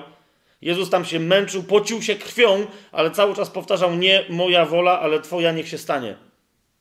I został wysłuchany. Anioł do niego przyszedł, którego pocieszał. Tak? To myślę, że Psalm 20 dokładnie o tej sytuacji, yy, o tej sytuacji mówi. Zauważcie, yy, jak mamy Psalm 21, mamy według mnie to jest psalm, który opisuje Jezusa, który dopiero pójdzie na Golgotę. Opisuje Jezusa, który, które, któremu ludzie myśleli, że zrobili na złość, że go wyśmiali, bo mu wbili pałkami, wbili mu koronę cierniową w głowę. Nie położyli mu ją na głowę. Jak poczytacie Ewangelię dobrze, tam jest powiedziane, że oni mu ją wbijali w głowę, tak? Ponieważ, ponieważ ciernie, jak zobaczycie, jak wyglądają ciernie w, w Izraelu, to tam jest parę do parunastu centymetrów, tak? To nie są kolce na róży polskiej. Oni mu te ciernie wbijali w czaszkę, tak? Żeby po prostu, żeby, żeby mu pokazać. I zauważcie, w tym kontekście, jak sobie pomyślimy, że to jest cały czas przed krzyżem, to jest psalm 21, nagle, nagle znajdujemy taki fragment. Spełniłeś pragnienie jego serca, a prośbie ust jego nie odmówiłeś. Sela. Tak? Nie moja wola, ale twoja niech się stanie. Wyszedłeś mu naprzeciw z darami, które przynoszą błogosławieństwo. Włożyłeś na głowę jego koronę szczerozłotą. Rozumiecie? To jest Boża perspektywa. Jezus doskonale wie, jaką koronę bierze na głowę. Tak? On idzie na krzyż jako zwycięzca. On idzie na krzyż jako na tron, na którym wie, że dokona ostatecznego zwycięstwa, na które ludzkość czekała parę tysięcy lat. Dlatego Piłat pod wpływem Ducha Świętego pisze mu na krzyżu Jezus Nazarejczyk, król Żydów. Rozumiecie o co mi chodzi? Jak oni przychodzą i mówią, ale nie pisz, że to jest król Żydów. Napisz, że on powiedział, że jest królem Żydów, w sensie, że on pretendował bezprawnie. A Piłat co na to odpowiedział? Co napisał, napisałem. Wypad. Już mi teraz wypad. Już go zabiłem dla was. Teraz wypad. To jest król żydowski. Tak? I tu macie wyraźnie napisane. To jest moment jego koronacji. Korona cię. Tak, widzicie, jaki my czasem. Właśnie to jest to, że ludzie patrzą na jakieś rzeczy i w, w, na przykład w śmierci chrześcijanina widzą kompletną nędzę i mówią: No i widzisz, po co ci to było? Po co się było rzucać? A nie rozumieją, że chrześcijanin właśnie przeszedł do absolutnej radości, tak? Oni wtedy mu wtłukiwali, śmiali się z niego i lżyli go i kpili z niego, tak? A dzięki Psalmowi 21 widzisz, jaka jest zupełnie odmienna Boża perspektywa, dlaczego Jezus miał taką godność tam. Dlaczego Piłatowi właśnie taki cały urąbany, dlaczego mu powiedział, mówi chłopie, nie popisuj się żadną władzą, bo mówi, ja bym jedno słowo powiedział i ojciec posłałby zastępy anielskie tak potężne, że jeden anioł z tych zastępów całe twoje durne legiony by zmiótł spojrzeniem swoich oczu. Rozumiesz? Nie wiesz, co się tu dzieje. A Piłat zaczyna filozofować i mówi, cóż to jest prawda. No, więc właśnie, tu masz prawdę, tak? Prosił cię o życie, zobaczcie, piąty werset, prosił cię o życie, dałeś mu je. Długie dni, na zawsze. I teraz o kim to jest powiedziane? O kim to jest powiedziane? Długie dni, na zawsze, na wieki. Na wieki. On jest pierworodnym spośród wszystkich, którzy powstaną z martwych. Żył zawsze i będzie żyć na wieki. On jest pierwszy, który to otrzymał. Chwała Jego jest wielka dzięki zbawieniu Twemu. Wspaniałością i dostojeństwem okryłeś Go. Rozumiesz? I jeszcze raz, to jest mowa o Jezusie, o którym, tym samym Jezusie, o którym Izajasz powie, nie mogliśmy patrzeć na Jego oblicze, bo było nie do poznania bo był jak robak, a nie człowiek, pośmiewisko pospólstwa. A tu masz opis, ale zobacz, jak wygląda Boża perspektywa. Potem masz Psalm 22, tak? I potem masz Psalm 23, widzisz, dlaczego. To jest jeden z tych psalmów, które chrześcijanie, nawet jak mają problem z, yy, z, z psalmami w ogóle, z Techilim, z hymnami, to Psalm 23 to jest luzik. Dlaczego? Bo Psalm 23 opisuje właśnie nas, chrześcijan. To jest sytuacja każdego, kto przyjmie ofiarę śmierci krzyżowej Jezusa i uwierzy w Jego zmartwychwstanie. To jest Jego sytuacja. Pan jest moim pasterzem, niczego mi już nie brakuje. Na niwach zielonych mnie pasie. Pamiętacie, jak on zawsze o nas mówił, że jesteśmy owcami, tak? Że powiedział, kto we mnie wejdzie, ten, ten wejdzie i wyjdzie i znajdzie co? Znajdzie paszę najdoskonalszą, tak? Na niwach zielonych mnie pasie, nad wody spokojne mnie prowadzi, duszę moją pokrzepia i tak dalej, i tak dalej. To jest nasza sytuacja, kiedy jeszcze czekamy na króla, tak? Dobroć i łaska towarzyszyć mi będą przez wszystkie dni życia mojego. Dobroć i łaska. Zauważcie. Łaską jesteśmy zbawieni przez wiarę. Przez kogo? Przez tego, który jest dobry i tylko dobry, tak? I zamieszkam w domu Pana. To jest przez długie dni, dziwne tłumaczenie, bo tam jest po wszystkie czasy, tak? Ale Zobaczcie, Psalm 24. O czym mówi? O tym, czego my jeszcze nie doświadczamy, a na co z głodem oczekujemy. Na przyjście Pana Jezusa. Patrzcie, co się tam dzieje. Pana jest ziemia i to, co ją napełnia. Świat i ci, którzy na nim mieszkają. I tam jest następny werset, ale nie o to mi chodzi. I teraz popatrzcie, co się dzieje. Tak? Ktoś tu zadaje pytanie, nie będę się teraz rozwijał, nie mamy tyle czasu, ale przestudiujcie sobie Psalm 24. Ktoś tu zadaje pytanie, kto ma prawo wstąpić na górę Pana, na Syjon, na sam szczyt? Kto ma prawo stanąć na jego świętym miejscu? Na świętym miejscu, rozumiecie, to chodzi o święte świętych na, w świątyni na, na, na, na górze Syjon. Kto ma prawo stanąć w świętym świętych? Tylko Bóg. Tylko Bóg tam ma prawo stanąć. O co jest w ogóle takie głupie pytanie? A odpowiedź tymczasem brzmi, że jest ktoś taki, kto ma prawo tam stanąć. Kto? Ten, kto ma czyste dłonie i niewinne serce. Kto nie skłonił duszy swojej ku próżności, kto nie przysiągł obłudnie, ten dostąpi błogosławieństwa Pańskiego i sprawiedliwości od Boga, Zbawiciela swego. Przychodzi Mesjasz. On ma prawo w ciele, mając czyste ręce, będąc jedynym sprawiedliwym, ma prawo tam zasiąść. I teraz, żeby, żeby to było jasne, że o niego chodzi, zobaczcie, on nadchodzi, siódmy werset, podnieście bramy, wierzchy wasze i podnieście się bramy prastare, aby mógł wejść król chwały. Kto jest tym królem chwały? No kto? Pan silny i potężny, Pan niezwykły w boju. Więc podnieście bramy, wierzchy wasze i podnieście się prastare podwoje, żeby mógł wejść król chwały. Kto jest tym królem chwały? Pan zastępów. On jest królem chwały. Sela. Ale widzicie wyraźnie, że ten psalm mówi o tym, że to jest Pan chwały, który ma ręce czyste i który jest człowiekiem sprawiedliwym. To jest Bóg wcielony. Tak? Okej, okay. bo, możemy, bo możemy ciągnąć ten temat. Yy... Dobra, ale widzicie, co mi się dzieje? Mam nadzieję, że Wam się też coś, coś w tym stylu zaczyna dziać. Tak? Nie był w stanie żaden Żyd przed, przed, przed tym, jak Jezus powiedział na krzyżu, wykonało się, nie był w stanie żaden Żyd czytać tych psalmów, tych hymnów w pełni ich mocy. Rozumiecie, o co mi chodzi? Nie mogły go te hymny do końca pouczyć. Częściowo, w jakiejś tam mierze, ale on nie miał właściwej perspektywy, tak? Ponieważ on, jak widział pytanie, kto jest tym królem chwały, jak się dobrze zastanowił nad takim hymnem 24, to nie wiedział. Nie wiedział, wiedział, kto to jest Pan, ale nie wiedział, kim jest jego pomazaniec, bo dopiero na niego czekał. Tak? Jeżeli już mamy tę perspektywę, jak widzicie, zobaczcie, można czytać hymny, yy, można swobodnie się nimi modlić. Dlaczego? Ponieważ yy, jeżeli masz właściwą perspektywę, to nagle widzisz w nich centrum Chrystusa, i w związku z tym, i teraz przejdziemy do tego jednego elementu, bo niektórzy mówią, no dobra, ale nadal tam są te przekleństwa rzucane na ten, tak? Nadal jest powiedziane, że szczęśliwi ci, którzy zabijają dzieci. Halo, co się dzieje?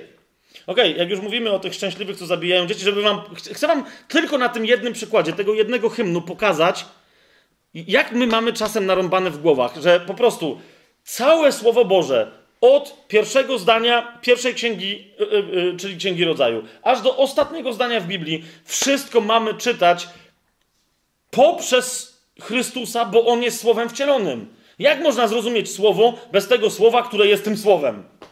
A wiecie o co mi idzie? Nie da się. Natomiast niektórzy wciąż czytają właśnie yy, te hymny, czytają zapominając o tym, że przecież one są napisane przez Jezusa w mocy Jego ducha i na chwałę Ojca, że On w nich występuje, że On w nich mówi. A wciąż niektórzy mówią, dobrze, ale naprawdę, chociażbym się skichał, nie mogę zobaczyć Pana Jezusa w tym tekście. O co mi chodzi? To jest na przykład psalm ym, 137.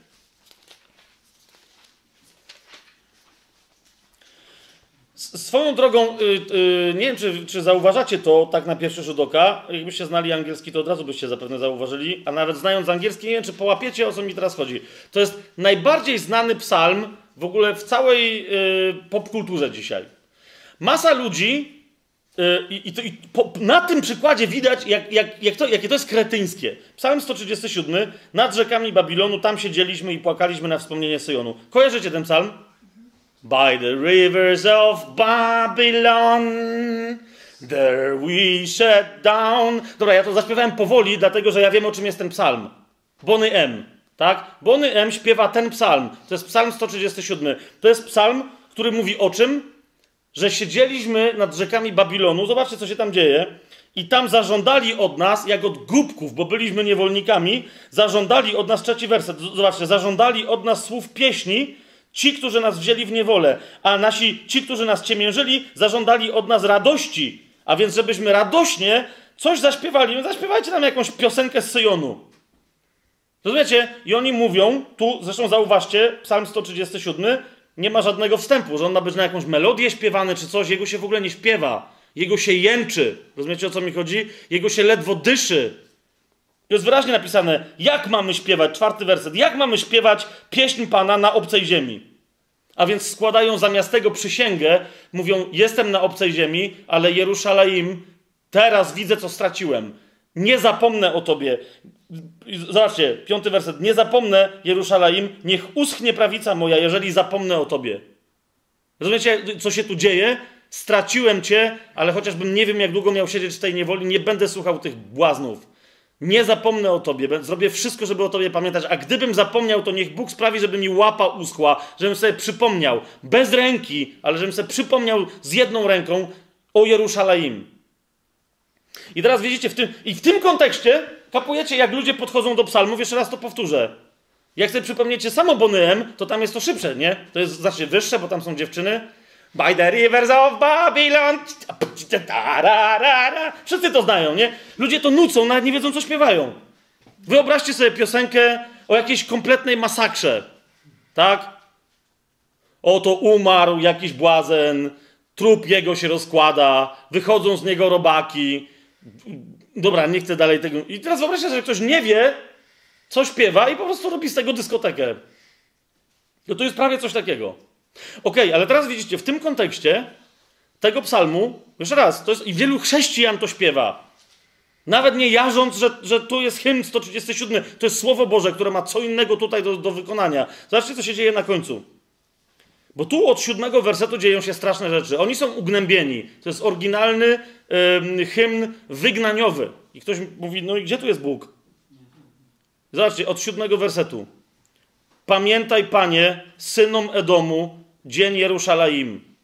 Pamiętaj, jak wołali, zbóżcie ją, zbóżcie ją aż do samych posad, niech nie zostanie kamień na kamieniu. Córko babilońska, pustoszycielko, szczęśliwy, kto ci odpłaci to, coś nam wyrządziła. Szczęśliwy, kto chwyci twoje niemowlątka i będzie trzaskał nimi o twoje skały. Ups. Ups. I teraz mamy, o kurde, czyli nie, tego nie. Czyli ten psalm rzeczywiście tu należy skończyć na wersie siódmym, bo potem jeszcze, nie daj Boże, ktoś coś powoli. Jaką mamy perspektywę? Jezus. Tak? Jaką mamy perspektywę? Jezus. Jaką mamy perspektywę? Całe Słowo Boże. Tak? Słowo Boże tutaj zwraca się do kogo? Któż to jest córka babilońska? Weźcie sobie, otwórzcie yy, Jeremiasza, znaczy nawet nie Jeremiasza, tylko nie wiem, jak wy tam to będziecie mieli podzielone. Chodzi mi o treny, czy też lamentacje yy, Jeremiaszowe. Czwarty rozdział. Yy, Jeremiasz cały czas mówił, że Izrael musi iść, nie Izrael, tylko Juda, że Juda musi iść na wygnanie. Wszyscy tam się upierali, im bardziej wy się będziecie upierać, tym będzie gorzej. Jeremiasz całe swoje życie jest nazywany prorokiem płaczącym, niczego innego nie głosił, tylko mówi będzie nędza. Im, Im, bardziej wy się będziecie tej nędzy opierać, tym gorsza ona będzie. Yy, no więc to jest Jeremiasz, a potem już mu nic innego nie pozostało, jak tylko się rozżalić wobec tego, że się stało to, co on prorokował, co się stanie, a więc, że Juda poszedł do niewoli babilońskiej. To są treny, pierwszy rozdział, trzeci werset. Tak, tam, tam widzicie, macie wyraźnie napisane, że, e, że Juda poszedł do Babilonu. Na wygnanie poszedł Juda, na cierpienie i w ciężką niewolę. Zamieszkał między poganami i nie znajduje odpocznienia. Wszyscy jego prześladowcy dopadli go i go uciskają. Tak? Wiadomo, że królestwo Judy zostało podbite przez Babilon i zostało wzięte w niewolę. Tak? Jeszcze raz. W psalmie 137 zauważcie, córka babilońska jest nazywana, jakby jest związana z synami Edomu. Widzicie to? Czyli Babilon e, jest w tym wypadku także Edomem. To jest bardzo ważne. Tak? Że Babilon to jest Edom. I teraz Treny, czwarty rozdział. Zobaczcie, co w nich jest napisane. E, pod sam koniec, tam Jeremiasz po prostu płacze nad losem Jerozolimy i yy, mówi, zobaczcie co mówi.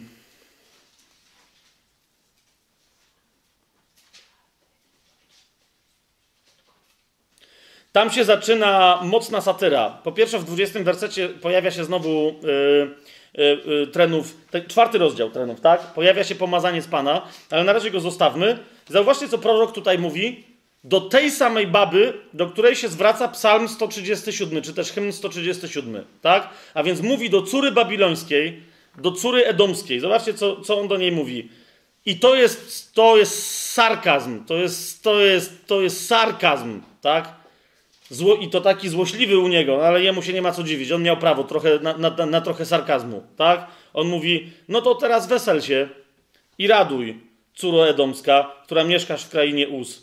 Także do ciebie przyjdzie kubek. Upijesz się i obnażysz. Kończy się twoja wina, córko syjońska. On już nigdy ciebie nie skaże na, wyg na wygnanie, ale ukaże twoją winę, córo Edomska, i odsłoni twoje grzechy. Córa Edomska, widzicie co tu się dzieje? Ma dostać kielich, którym się upije. Zostanie obnażona i zostaną ujawnione jej grzechy. Niektórym was, oczywiście, że już świta temat, otwórzmy sobie Księgę Objawienia, rozdział 17. Tak? Księga Objawienia to jest na samym końcu Biblii, rozdział 17. I tam macie opisaną postać, do której mówi Psalm 137. Jeszcze raz, yy, zobaczycie coś, jeszcze raz, otwórzcie sobie Psalm 137, naprawdę. Otwórzcie sobie Psalm 137. W tym kontekście, żebyście pamiętali, to jest ta sama baba, która się dowiedziała, że wypije kielich, zostanie obnażona i jej grzechy zostaną yy, yy, pokazane całemu światu. Zobaczcie, córo babilońska, pustoszycielko. Tak? Zobaczcie, dziewiąty werset. Błogosławiony, kto pochwyci i roztrzaska niemowlęta twoje o skałę. Kto to jest córa babilońska? Wtedy od razu zrozumiemy, co to są te niemowlęta. Ok? 17 rozdział, zobaczcie, trzeci werset. Objawienia. Jan mówi: Zaniósł mnie w duchu na pustynię i zobaczyłem tam kobietę siedzącą na czerwonym jak szkarłat zwierzęciu, pełnym bluźnierczych imion, które miało siedem głów i dziesięć rogów. Kobieta ta była w purpu, była przyodziana w purpurę i w szkarłat i przeozdobiona złotem, drogimi kamieniami i perłami. I uwaga, widzicie to? Miała w ręce swojej złoty kielich pełen czego? Obrzydliwości i nieczystości jej nierządu. I teraz uważajcie, na czole jej wypisane było imię o tajemniczym znaczeniu Wielki Babilon. Wielki Babilon. To jest Wielki Babilon. I teraz, co to są za niemowlęta? Co może rodzić Wielki Babilon? To są jej dzieci. Wielki Babilon, matka kogo? Wszetecznic i obrzydliwości ziemi. Ok? Teraz, jak zrozumiemy jeszcze jedną rzecz, że ten wielki Babilon. Aha, i zobaczcie dalej, szósty werset, tak? I widziałem tę kobietę pijaną krwią świętych i krwią męczenników Jezusowych. A więc ten kielich, pełen obrzydliwości i nieczystości jej nierządu, to jest kielich krwi świętych, którzy oddawali życie nie tylko tych, którzy znali Jezusa, tak jak my, rozumiecie, po Jego przyjściu, ale też tych przed. Jezus sam mówi, Jerusalem, wszystkich proroków, których Ci posłałem, wszystkich żeście zabili. Wszystkich co do jednego. I ich tam wymienia. Tak? A więc to, to, ten wielki, ta kobieta, to jest Babilon, który, który się uchlał i upił. Ta, ta wielka nierządnica się upiła krwią świętych, tak? Krwią świętych, krwią męczenników Jezusowych. I nawet Jan, który przecież był poddany prześladowaniu, jak zobaczył, jaki to ma wymiar, zobaczcie, szósty werset, ujrzawszy ją, zdumiałem się bardzo, że to ma aż takie rozmiary. Teraz ten wielki Babilon Zobaczcie, to nie jest żaden człowiek. To jest miasto. 18 rozdział, spójrzcie, drugi werset. I zawołał donośnym głosem: Upadł, upadł wielki Babilon. Widzicie? To jest ten sam wielki Babilon, co 17 rozdział, 5 werset, tak? Upadł wielki Babilon i co? I stał się siedliskiem demonów i schronieniem wszelkiego ducha nieczystego i schronieniem wszelkiego ptactwa nieczystego i wstrętnego gdyż wszystkie narody piły wino szaleńczej rozpusty jego i królowie ziemi uprawiali z nim przeteczeństwo, a kupcy ziemi wzbogacili się na wielkim jego przepychu. To, to było, jak zobaczycie, opis to, to jest miasto, tak? To jest, to jest władza, ale konkretna władza funkcjonująca na ziemi. Zobaczcie siódmy werset. Ten wielki Babilon sam siebie uwielbiał i rozkosze zażywał. I, czy tyle, ile sam siebie uwielbiał i rozkosze zażywał, tyle udręki i boleści mu zadajcie. Gdyż mówił w sercu swoim: Siedzę jak królowa, wdową nie jestem, a żałoby nie zaznam. Dlatego w jednym dniu przyjdą jego plagi, i tak dalej, i tak dalej, i tak dalej. Ok? To jest miasto, które, które, jest, które, które jest instytucją, które jest. Mówiliśmy o tym już przy okazji wieży Babel, jeżeli pamiętacie, tak? To jest, nie będziemy teraz rozważać, co to jest, jak się ona ma, przyjdziemy do tego momentu, ale chodzi mi o to, że to jest taki rodzaj diabolicznej instytucji, nawiasem mówiąc, którą, co jest interesujące, diabeł ją założył i w pewnym momencie diabeł przeciwko niej się zwróci i ją zniszczy. Tak? Yy, zobaczcie. Yy, to jest w 15 wersecie 17 rozdziału. Wody, które widziałeś, nad którymi rozsiadła się ta wszetecznica, to ludy i tłumy i narody i języki. A dziesięć rogów, które widziałeś i bestia, ci znienawidzą wszetecznicę i spustoszą ją i ogołocą i ciało jej jeść będą i spalą ją w ogniu. Widzicie to? Bóg bowiem natchnął serca ich, żeby wykonali jego postanowienie i by działali jednomyślnie i oddali swoją władzę królewską bestii, aż wypełnią się wyroki Boże. A kobieta, którą widziałeś, to jest właśnie, to jest tutaj. A kobieta, którą widziałeś, to wielkie miasto, które panuje nad królami ziemi. To jest konkretna instytucja. Instytucja, która jest matką demonów, która wpuszcza demony na tą ziemię i która jest matką wszelkiego grzechu, wszelkiej obrzydliwości, która podsyca obrzydliwość na tej ziemi. Tak? Mówię, nie będziemy teraz to się zagłębiać, ale teraz wracamy do psalmu 137, do hymnu 137, tak? To jest hymn wszystkich, którzy żyją w uciśnieniu, którzy żyją w jakimkolwiek Babilonie, a więc którzy żyją jako święci Jezusowi, tak, że grozi im śmierć, ponieważ Babilon chce ich wyssać. Rozumiecie o co mi idzie? I teraz o co tutaj idzie modlitwa? To jest modlitwa o wolność dla ludzi. To nie jest modlitwa o to, żeby jakieś dzieci były zabijane. To jest modlitwa przeciwko tym demonom, którą wielka nierządnica babilońska wpuszcza na tą ziemię. Tak? Więc powinien być przetłumaczony ten fragment. Córo babilońska, nierządnico, szczęśliwy, kto ci odpłaci to, coś nam wyrządziła. Szczęśliwy, kto pochwyci i roztrzaska młode twoje o skałę. Rozumiecie, o co mi idzie? To są zwierzęta, to nie są ludzie. Nie chodzi mi o to, że to będą ludzie, ale że my ich nazywamy zwierzętami. To nawet nie są zwierzęta, to są demony i grzechy. Tak? A więc szczęśliwy każdy, kto przeciwko nim wystąpi. Widzicie, o co mi tu idzie? Czy ja mam się nie modlić yy, wobec tego hymnem 137? Jeszcze by kto tego chciał. Jest bardzo cudowny psalm, bardzo cudowny hymn. Uwielbiam się nim modlić. Rozumiecie, o co mi idzie? Ja każdym razem sobie przypominam, że, że żyjemy w takiej właśnie sytuacji, tak? Pod tą nierządnicą, bo jeszcze anioł nie przyleciał i nie zakrzyknął, że upadła, że upadł wielki Babilon. Jedyna perspektywa, więc jaką mamy, w całym piśmie, jak czytamy jakieś kontrowersyjne rzeczy, ktoś mówi, a tu, a tu kontrowersja, sędziowie, Jezu, e, e, e, psalmy. Zawsze mamy jedną perspektywę. List do Rzymian sobie otwórzmy. Po prostu, jak, myślę, że udało mi się to wam pokazać, że, że to jest perspektywa nie Nowego Testamentu, ale że to jest perspektywa całego Słowa Bożego. Tak?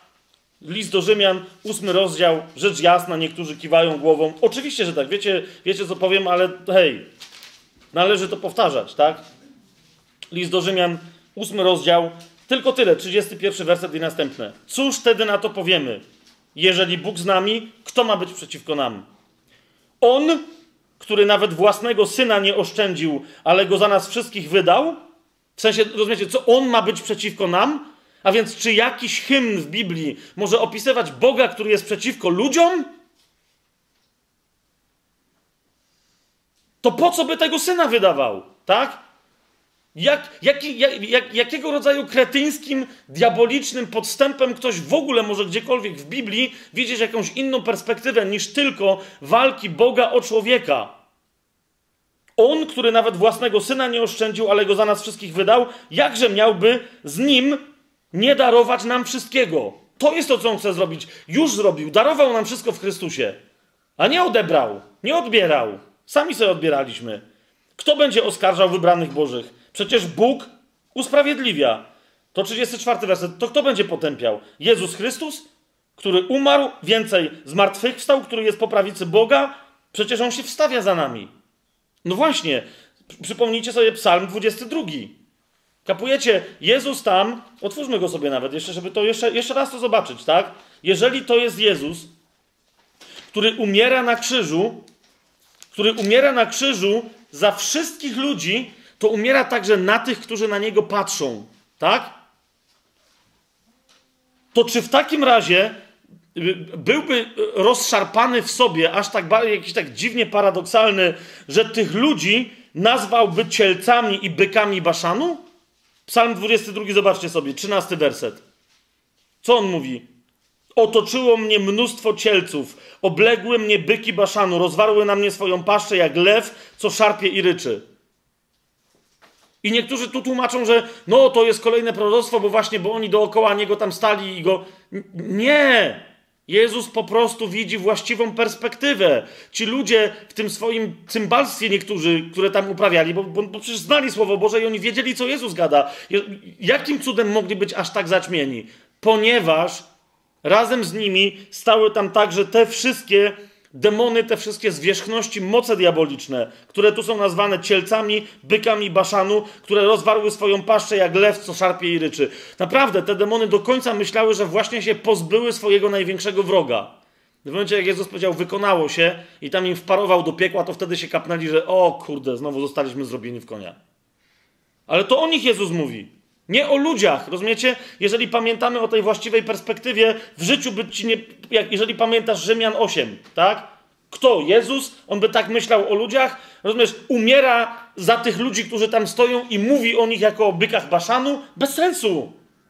Bez sensu, tak? Więc jeszcze raz, zawsze, kiedy czytamy Słowo Boże, miejmy właściwą perspektywę. To jest jedyna perspektywa. Zobaczcie, Psalm 8. Kolejna rzecz, tak? Psalm 8, piąty, e, piąty werset. Co tu jest w ogóle powiedziane? Jest mowa o stworzeniu całego wszechświata, tak? Zobaczcie na przykład w czwartym wersecie. Kiedy oglądam niebo Twoje, dzieło palców Twoich, księżyc i gwiazdy, które Ty ustanowiłeś, a więc cały ten majestat, rozumiecie, księżyc, gwiazdy, Jaka nagle myśl przychodzi tutaj komu? Dawidowi do głowy? Zobaczcie, co tu jest napisane. Czymże jest człowiek, że o nim pamiętasz, albo syn człowieczy, że aż tak go nawiedzasz? Uczyniłeś go niewiele mniejszym od Boga. Chwałą i dostojeństwem uwieńczyłeś go. Dałeś mu panowanie nad dziełami rąk swoich. Wszystko złożyłeś pod jego stopy. Ok? I mamy takie, okej, okay. Hymn ósmy bardzo pięknie opowiada o człowieku. Ale jeszcze raz, to nie jest żaden e, humanistyczny psalm, który pokazuje, jak cudowną naturę Bóg stworzył człowiekowi. Rozumiecie? To jest zapowiedź syna człowieczego, który do takiego stanu, ok, po, po, przy, pociągnie nas że, że, że my dzisiaj nie mamy najmniejszego wyobrażenia, co to będzie oznaczać. Zobaczcie list do Hebrajczyków. Kto z Was był na y, spotkaniu z Reinhardem y, Hitlerem y, w, w, listopadzie, to, to będzie pamiętał ten fragment. Y, o ile był na tej konferencji, bo tam on w pewnym momencie y, do tego się odwołał. Znaczy, list do Hebrajczyków. drugi rozdział, piąty werset. Zobaczcie, co tu jest napisane. Jest dokładnie ten hymn przywołany, bo nie aniołom poddał świat, który ma przyjść, o którym mówimy.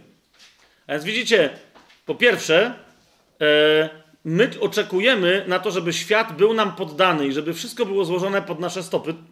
Jeszcze raz. E, zobaczcie, co tu jest powiedziane. E, hymn ósmy. Wszystko złożyłeś pod stopy Jego. Pod stopy kogo? Człowieka. Psalm, yy, list do Hebrajczyków, drugi rozdział, piąty werset mówi wyraźnie, że to jest zapowiedź królestwa, które nadejdzie. tysiącletniego królestwa. Nie aniołom poddał świat, który ma przyjść, o którym mówimy. Stwierdził to zaś ktoś, kiedy gdzieś powiedział, rozumiecie, e, to musi być Żyd, który pisze do Żydów, skoro sobie może na tego typu wtręt e, pozwolić, tak? Stwierdził to ktoś, który gdzieś powiedział, bo każdy Żyd doskonale wiedział, gdzie to jest napisane, tak? Stwierdził to ktoś, kto gdzieś powiedział, kimże jest człowiek, że pamiętasz o nim, albo syn człowieczy, że tak dbasz o niego. Uczyniłeś go na krótko, nieco mniejszym od aniołów, tu jest klucz, chwałą i dostojeństwem ukoronowałeś go i wszystko poddałeś pod stopy jego. No i cały czas czytając list do Hebrajczyków można by się było podniecać. Fajnie mają ludzie, że są tak fajnie stworzeni. Ale jeszcze raz, zapowiedź jest czegoś znacznie potężniejszego, a mianowicie, że ta chwała i to dostojeństwo i to ukoronowanie są tym samym ukoronowaniem, tą samą chwałą i tym samym dostojeństwem, które zwyciężył Chrystus. Nie tylko dla siebie, ale dla ciebie i dla mnie. Raz na zawsze i ono się w pewnym momencie objawi. Skąd to wiemy? Bo do tego zmierza ten tekst. Zobaczcie. Dziewiąty werset. Widzimy raczej tego, który na krótko uczyniony został mniejszym od aniołów. Jezusa. Widzicie to? To Jego raczej widzimy. My u siebie nie widzimy tej chwały, tego dostojeństwa i tego ukoronowania. No ej, no nie.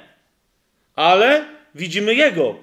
Widzimy raczej tego, który na krótko uczyniony został mniejszym od aniołów. Jezusa. Zobaczcie, ukoronowanego chwałą i dostojeństwem za cierpienia śmierci, aby z łaski Bożej zakosztował śmierci za każdego. Teraz chodzi o to, ten dziewiąty werset mówi nam bardzo wyraźnie, powtarza to, co zostało zapowiedziane w hymnie ósmym. Tak? Jezus jest tym, który został ukoronowany przez krzyż i przez swoje zmartwychwstanie przechodząc, został ukoronowany chwałą i dostojeństwem.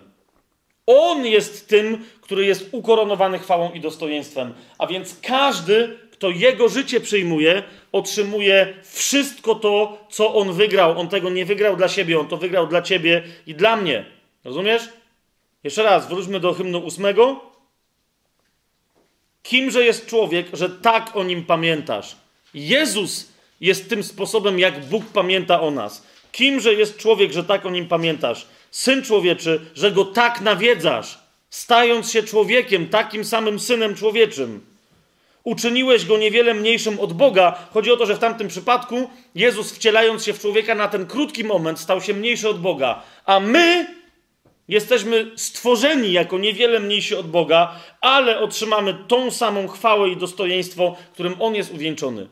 Tak? W nim jesteśmy tą chwałą i dostojeństwem uwieńczeni. Rozumiecie, o co mi, o co mi chodzi? Jaka tu jest perspektywa? Jest to, nie zobaczymy tego w hymnach, jeżeli nie będziemy ich czytać przez pryzmat Jezusowy. Jeżeli ich nie będziemy czytać przez okulary Jezusowe. Nie wiem, jak to nazwać, tak? Patrząc przez Niego jak przez bramę. Nie, czy, nie, nie, nie czytając yy, Tehilim jako po prostu oczami obmytymi Jego krwią. Jasne jest to, co mówię? I teraz słuchajcie, jak już to wszystko mamy powiedziane, to wyglądałoby, że tu mogę zakończyć. Teraz chcę dopiero powiedzieć rzecz, która niektórych chrześcijanów może zaskoczyć. Otwórzcie sobie list do Efezjan, bo dopiero w tym kontekście, w tym kontekście, jeszcze raz powtarzam, w tym kontekście, o którym teraz cały czas powtarzałem, możemy zrozumieć, o co chodzi Pawłowi. List do Efezjan sobie otwórzcie. List do Efezjan, piąty rozdział, siedemnasty werset. Patrzcie, co się tu dzieje.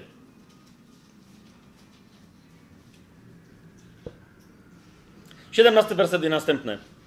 Paweł mówi wyraźnie do Efezjan. Dlatego nie bądźcie nierozsądni, ale zawsze rozumiejcie, jaka jest wola Pana.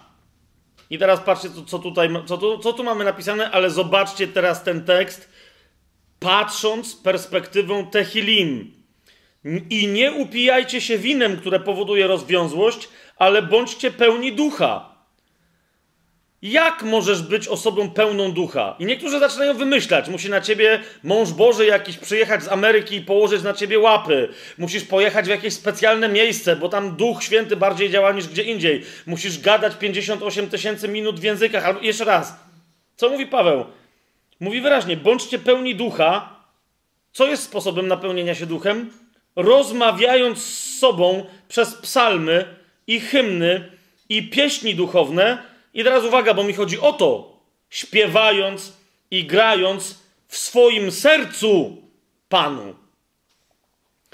Prawie zawsze ten cytat jest przywoływany, kiedy ktoś uzasadnia służbę uwielbienia pod tytułem perkusja, bas, gitarka, śpiewamy usia siusia, tak? W sensie nie mam nic przeciwko temu, żeby teraz to było zrozumiałe. Nie atakuję teraz służby uwielbienia muzyczno-piosenkarskiej, tak?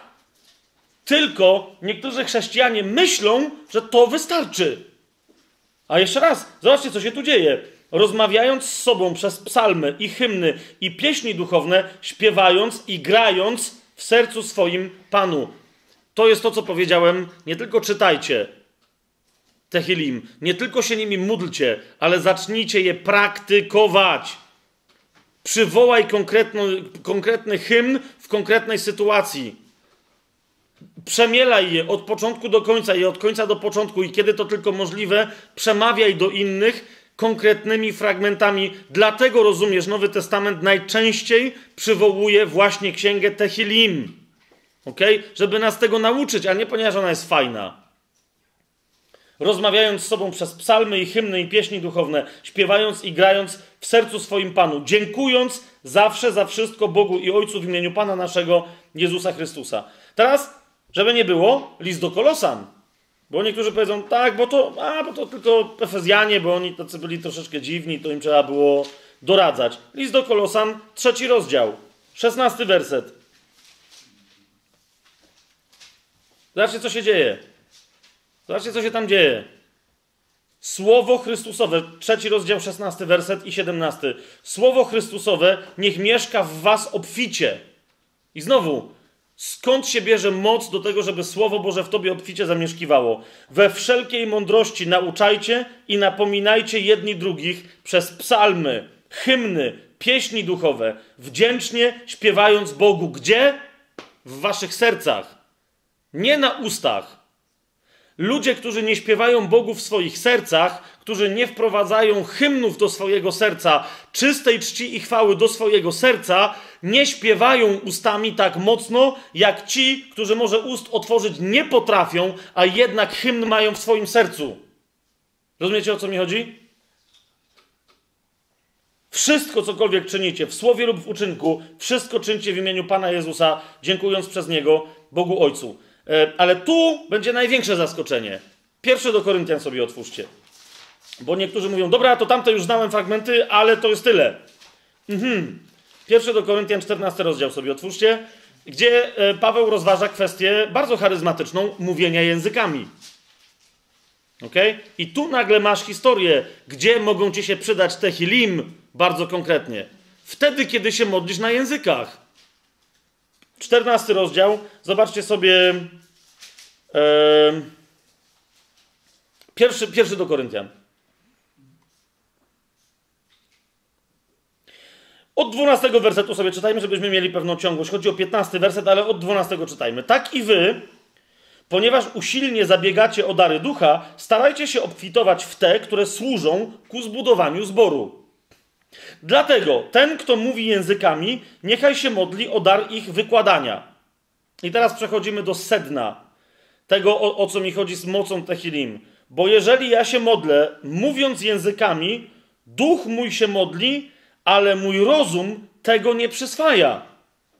Umysł jest czymś innym, jest inną władzą, jest władzą należącą do duszy ludzkiej, a nie do ducha. Serce jest władzą należącą do ducha ludzkiego. Rozumiecie o co mi chodzi? Języki wypływają z ducha świętego, który pobudza mojego ducha, który wpływa na ciało i modlę się na językach. Ale dopóki nie mam wykładu, co gadam, to nie wiem, co gadam. Mogę się tylko cieszyć, że coś z sensem gadam. I pismo w wielu miejscach wyjaśnia, co ja tam prawdopodobnie gadam. Tak? Ale co Paweł mówi wobec tego? Nie zostawiaj nigdy pustego umysłu. Nigdy nie zostawiaj pustego umysłu. Nigdy. Żadna, każda medytacja, która mówi, musisz oczyścić swój umysł, jest diabelska. Tak? Każde rozważanie, rozmyślanie, wyobrażanie sobie czegoś, e, jak mówi Pismo Święte, które jest skoncentrowane na Słowie Bożym, jest Boże. Rozumiecie o co mi chodzi? Umysł, który jest oświecony Słowem, a nie pusty, nie może być wypełniony jakimiś dziadostwami, ale poddaje wszelką myśl w posłuszeństwo Chrystusowi. I dlatego mamy werset 15. Co zatem? W domyśle to, co mam zrobić? Będę się modlił duchem, będę się modlił i rozumem. Będę śpiewał duchem, będę też śpiewał i rozumem. Bo jeżeli wysławiasz Boga w duchu, jakże zwykły i tak dalej, i tak dalej, tam, e, tam się pojawiają te historie. Potem jeszcze dalej, poczytajcie sobie, tam jest troszeczkę więcej rozwinięcia na ten temat. Ale jeszcze raz, mówi bardzo wyraźnie, bardzo wyraźnie mówi tutaj Paweł, jeżeli modlisz się na językach, zaangażuj także swój umysł, tak? To może być, to, to nie jest dokładnie śpiewanie w sercu, ale chodzi o to, żeby zaangażować całe, wszystkie swoje władze wewnętrzne. Jak to możesz zrobić? No na przykład w ten sposób. Jeżeli akurat, kiedy modlisz się na językach, duch ci czegoś nie objawia w umyśle czy w sercu, tak? Uruchom tehilim. Rozumiecie, o co mi idzie? Niekoniecznie musisz je pamiętać, ale w tym duchu, którego tehilim cię nauczyły, którego hymny cię nauczyły, w tym duchu Mów na językach to, co mówisz językami, ale umysł zajmij wielbieniem Boga tak, jak to się robi w Tehilim. Rozumiecie? Często zauważysz, że wtedy na przykład duch cię poprowadzi, da ci tłumaczenie, na przykład odmieni te języki i zauważysz, że w tych językach zamiast, zamiast wielbić Boga, to gromisz jakieś demony. Tak jak w Tehilim ale wtedy ty wiesz, co robisz na językach. Tak, że w tym momencie usługujesz innym jakimś ludziom, którzy potrzebują, żeby uwolnić ich od demonów. Na przykład, i tak dalej, i tak dalej, i tak dalej. Jest to dla was jasne? Tehilim, tehilim, jeszcze raz powtarzam, tehilim one mają być przez nas nie tylko czytane, ale mają, nie tylko ma, ma, mamy w nich odnajdywać Chrystusa, uzupełniać przy ich pomocy to, co wiemy z Nowego Testamentu, ale mamy je pra, przepraktykować. My do siebie mamy mówić z serca do serca w Tehilim. Mamy mówić w psalmach, w hymnach i w pieśniach pełnych ducha. Nasze pieśni z całym szacunkiem teraz, wiecie, do uwielbieniowych, chociaż naprawdę to jest coraz fantastyczniejsze, tak? Ale nasze pieśni powinny brać przykład z Tehilim. W Tehilim niektóre są skoczne, hop, siup, chwalmy Pana na trąbkach, na cytrach. Są takie, tak? Ale są też inne, które jak powiadam, jak, jak psalm, jak hymn 119, po prostu to, to, jest, to jest rap, który jest genialny, tak? Który jest nauczaniem na temat miłości do Słowa Bożego. O, no właśnie, otwórzmy sobie, dlaczego nie yy, hymn 119? Skoro już to powiedziałem, to żebyśmy sobie tylko z taką... On jest długi, tak? To jest najdłuższy bodaj z psalmów. Nigdy tego nie porównywałem tam z niczym, ale weźcie sobie psalm, yy, hymn 119, powiedzmy yy, od 14 wersetu. Zobaczcie, co się tu dzieje. Samo tylko siedzenie, idę o zakład z kimkolwiek, tak? Czytanie tylko i wyłącznie przez jakiś czas hymnu 119 powoduje, że zaczynasz pożerać Pismo Święte. Ponieważ to jest moc, którą wywołuje ten hymn. Po to on jest napisany. Zobaczcie to takie fragmenty. 119 hymn, 14 werset. Raduję się z drogi, którą wskazują mi ustawy Twoje, jak z wielkiego bogactwa rozmyślam o rozkazach Twoich i patrzę na drogi Twoje. Rozumiecie, a propos tego, co mówiłem wcześniej, że tu nie chodzi o prawo mojżeszowe. Widzicie to? To jest w ogóle co innego. Tu chodzi o roztrząsanie, jak się wola Pańska objawia, która jest genialna, która jest miłosna, która jest dobra, która jest pełna mocy dla tych, którzy mu ufają, a nie co muszę robić i jak się muszę ubiczować według Mojżesza. Patrzcie tam dalej, szesnasty werset. Mam upodobanie we wszystkich Twoich przykazaniach i nie zapominam żadnego Twojego słowa. Okaż dobroć słudze Twojemu, abym żył i przestrzegał yy, yy, słowa Twojego. Widzicie to? Yy, spójrzmy sobie dalej. To w ogóle cały ten. Na przykład. Yy, zobaczcie na 140 werset na końcu. Jak, jakie, jakie tam są w ogóle mistrzowskie oświadczenia. Zobaczcie, co tam jest napisane. Jakie, ktoś mi mówi, gdzie Słowo Boże mówi o sobie, że jest takie fajne. No, nie czytasz? Zobacz na przykład to, tak? 140 werset. Słowo Twoje jest całkowicie czyste, dlatego ja, Twój sługa, takie kocham. Widzicie to? Słowo Twoje jest całkowicie czyste. Nie ma w tym ani, ani jednego momentu, żeby Bóg do jakiś głupot kogokolwiek zapraszał. Zobaczcie sobie jeszcze w środku, tam był taki 47 werset. tak mi się wydaje. Tak. A propos tego, że się kocha Słowo Boże, zobaczcie, co tam jest napisane. Rozkoszuję się Twoimi przykazaniami, które pokochałem. Wznoszę ręce do Twoich przykazań, które kocham. Rozumiecie, jak, jak my podnosimy ręce na modlitwie uwielbieniowej, to jak, jak pamiętasz Nehilim, to Tehilim, no, Tehilim jak, jak pamiętasz, to rozumiesz, że podniesienie tych rąk w ten sposób, nigdy nie podnoś rąk w ten sposób, jeżeli nie chcesz tego zrobić razem z Chrystusem, który wisi na krzyżu. Rozumiesz? Bo to, to jest tu napisane. Rozkoszuję się Twoimi przykazaniami, które pokochałem. Jezus tak pokochał wolę Ojca, to co On mu przykazał, że to, ten gest, to jest gest, który się tylko tym należy, którzy chcą powiedzieć to samo co Jezus. Albo nie gadaj tego. Ok? Zastosuj yy, podniesienie rąk typu dźwiganie telewizorka lub większego, jak masz większy monitor, tak? Ale nie podnoś rąk w ten sposób. Ok? To automatycznie pamiętaj, to oznacza, że oświadczasz za Tehilim to, co było oświadczeniem Jezusa, tak? Rozkoszuję się przykazaniami Twoimi, które pokochałem, podnoszę ręce do przykazań Twoich, które kocham i rozmyślam o ustawach Twoich. Pomnij na słowo do sługi Twojego, na którym kazałeś mi polegać. Widzicie to? Jak mi ludzie czasem mówią, ja nie mam obietnic w Piśmie Świętym, na czym ja mam polegać? Czytajże to pismo i znajdź obietnicę dla siebie, na każdą konkretną sytuację w swoim życiu. Rozumiesz? Tu jest wyraźnie powiedziane, że masz słowo, na którym możesz polegać. Każda sytuacja Twojego życia jest opisana w Biblii. To jest pociechą moją w niedoli mojej, że obietnica Twoja mnie ożywia. Zuchwali szydzą ze mnie bardzo, ale ja nie odstępuję od zakonu Twojego. Pamiętam, Panie, o odwiecznych prawach Twoich i w ten sposób doznaję pocieszenia. Rozumiecie, co się tutaj dzieje? Po prostu niektórzy mówią, a ja mam wiarę, ale mam większą niewiarę. Hymn 119, chłopie. 15 razy w te i we w te. Zobaczysz, co się będzie działo. Tak? Uwaga. Od pierwszego do 150 hymnu nie ma takiej sytuacji życiowej chrześcijanina. Są niektóre grzeszników opisane, ale wierzącego czy wierzącej, wierzący nie ma takiej sytuacji w życiu, na którą nie jest przygotowany konkretny hymn. Ok?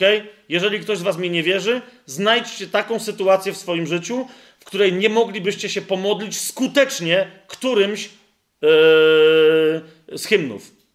Mówię Wam to po prostu od początku do końca, tak? Dowolne sytuacje i dowolne potrzeby, jakie macie, wszystkie są tutaj opisane. Nawet jeżeli potrzeba, na przykład zobaczcie psalm, teraz tylko szybko to, to zrobimy. Jeszcze mamy chwilę?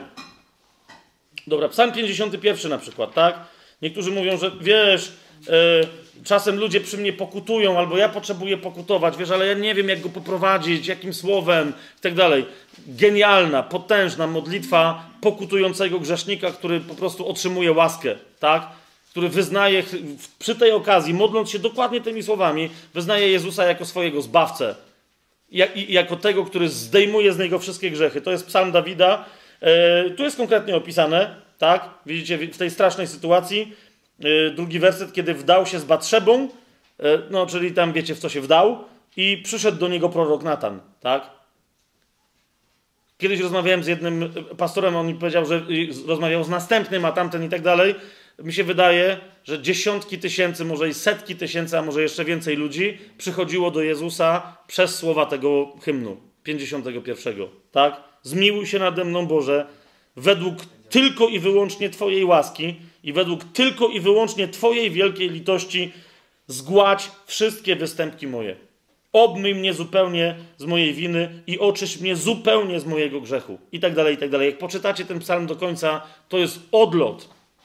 Zobaczcie, dwunasty werset tylko. Nie ma Nowego Testamentu, nie ma Nowego Przymierza, nie ma dobrej nowiny? Tutaj Serce czyste stwórz we mnie, o Boże, i ducha prawego odnów we mnie. To jest ta sama zapowiedź, która jest u Jeremiasza. Widzicie to? I ono to woła bezczelnie Dawid po Batrzebie. Nie odrzucaj mnie od oblicza swojego, ani nie odbieraj mi, świętego ducha swojego. Przywróć mi radość ze zbawienia Twego i wesprzyj mnie duchem ochoczym. Zobaczcie, co się tam dalej dzieje. To jest odlot. Ten, ten psalm to jest ten hymn to jest odlot, gdy chodzi o pokutę. Także dla wierzących, kiedy czasem coś głupiego zrobią i, i próbują przepraszać Boga za, co, za coś, co już dawno jest przebaczone, zamiast wrócić od razu na właściwy tor. Ten psalm przypomina, masz łaskę. Powstań, durniu. Nie durniu, bo to wtedy to ja, to ja dodaję, no nie, bo to myślę o sobie. Ja tak zawsze o sobie w tych sytuacjach myślę i to też, i za to też potem muszę pokutować, no nie? Powstań, przypomnij sobie, co już Jezus dla ciebie zrobił. Nie proś o, o, o, z powrotem o dostanie tego, co już masz, tylko idź do przodu, tak? Po co cię Jezus zbawił? Do tych cudownych, genialnych czynów, które Bóg zamierzył, że będzie bardzo chciał i będzie bardzo zadowolony, kiedy ty je wykonasz, tak? Pamiętacie problem Hioba? Dwunasty, y, w sensie y, drugi sezon skończyliśmy Hiobem, tak? I tam jeden z tematów było, czemu się powodzi y, grzesznikom, a innym się nie powodzi. Kolejna rzecz, jak ktoś zna Tehilim, to nie ma w ogóle żadnego problemu. Zobaczcie sobie 37 rozdział. rozdział. 37 hymn. Tak? Cały ten hymn jest dokładnie temu tematowi poświęcony. 37 hymn. I, I on mówi do ciebie, jeżeli by tobie także jako chrześcijance, jako chrześcijaninowi, jako osobie wierzącej, jakaś taka głupota do głowy przyszła, to ten hymn ci dokładnie o tym mówi. Nie gniewaj się na niegodziwych. Nie zazdrość tym, którzy czynią nieprawość. Bo uschną szybko jak trawa i zwiędną jak zielona murawa. Zaufaj Panu, czyń dobrze. Rozumiesz, dalej, śmiało, to jest to, po co jesteś stworzony. Nie patrz na tamtych, no ale ja czynię dobrze, a nie mam dobrze. Czyń dobrze. Mieszkaj w kraju i dbaj o wierność. Rozkoszuj się Panem, a On ci da wszystko, czego sobie życzy Twoje serce. I tam jest całe nauczanie, nie chcę tego e, tam dalej kombinować, ale teraz widzicie, to jest psalm czyj? Dawidowy, tak? Dawid wyznaczył, to jak pamiętacie z tych historii yy, yy, izraelskich, wyznaczył jednego zawodnika, Asafa, który był jednym z tych odpowiedzialnych za śpiewanie i granie psalmów i inne tego typu rzeczy. Zobaczcie sobie psalm odwrócony. Zawsze jak ludzie mówią, jak to sobie zapamiętać, to mówię, zapamiętaj sobie któryś z tych dwóch. Jak zapamiętasz sobie masz te problemy, że zazdrościsz grzesznikom, zapamiętaj sobie psalm 37 i potem po prostu po czesku go odwróć, Psalm 73. Jak zapamiętasz Psalm 73, to, to też pamiętasz po czesku Psalm 37. A więc zobaczmy sobie hymn 30, nie 37, tylko 73. To jest y, hymn Asafa, a więc ucznia protegowanego Dawida, który widzicie musiał znać hymn 37. Tak? Dlaczego? No bo opisuje historię, że on by jednak upadł w sidła zazdroszczenia grzesznikom, ale się opamiętał. Zobaczcie, co tu jest napisane. Od początku czytamy Psalm 73. Zaiste dobry jest Bóg dla tego, kto jest prawy, dla tych, którzy są czystego serca. I teraz patrzcie, jaka szczera, jaki Dawid tam miał wpływ na tych genialnych ludzi, jaki on był genialny, jaka, jakie szczere wyznanie. Co do mnie, mówi Asaf, omal nie potknęły się nogi moje, omal się nie poślizgnęły kroki moje, bo zacząłem zazdrościć zuchwałem, widząc pomyślność bezbożnych. Albowiem nie mają żadnych utrapień, zdrowe i krzepkie jest ich ciało, znoju śmiertelników nie doznają i tak dalej, i tak dalej. Rozumiecie? I tak dalej, i tak dalej. I przeskoczcie do 13 wersetu. Bo on, widząc to wszystko, zaczął rozmyślać, czy więc na próżno w czystości zachowywałem serce moje i w niewinności obmywałem ręce moje? Albowiem co dzień, w odróżnieniu od tych grzeszników, znoszę ciosy i jestem smagany każdego rana. Gdybym pomyślał, będę tak mówił jak oni, widzicie, i tu on się zorientował. Musiał znać hymn 37, tu się zorientował. Gdybym pomyślał, będę mówił tak jak oni, to byłbym zdradził ród twoich dzieci. Do, do kogo on to mówi? Kto, kto ma dzieci?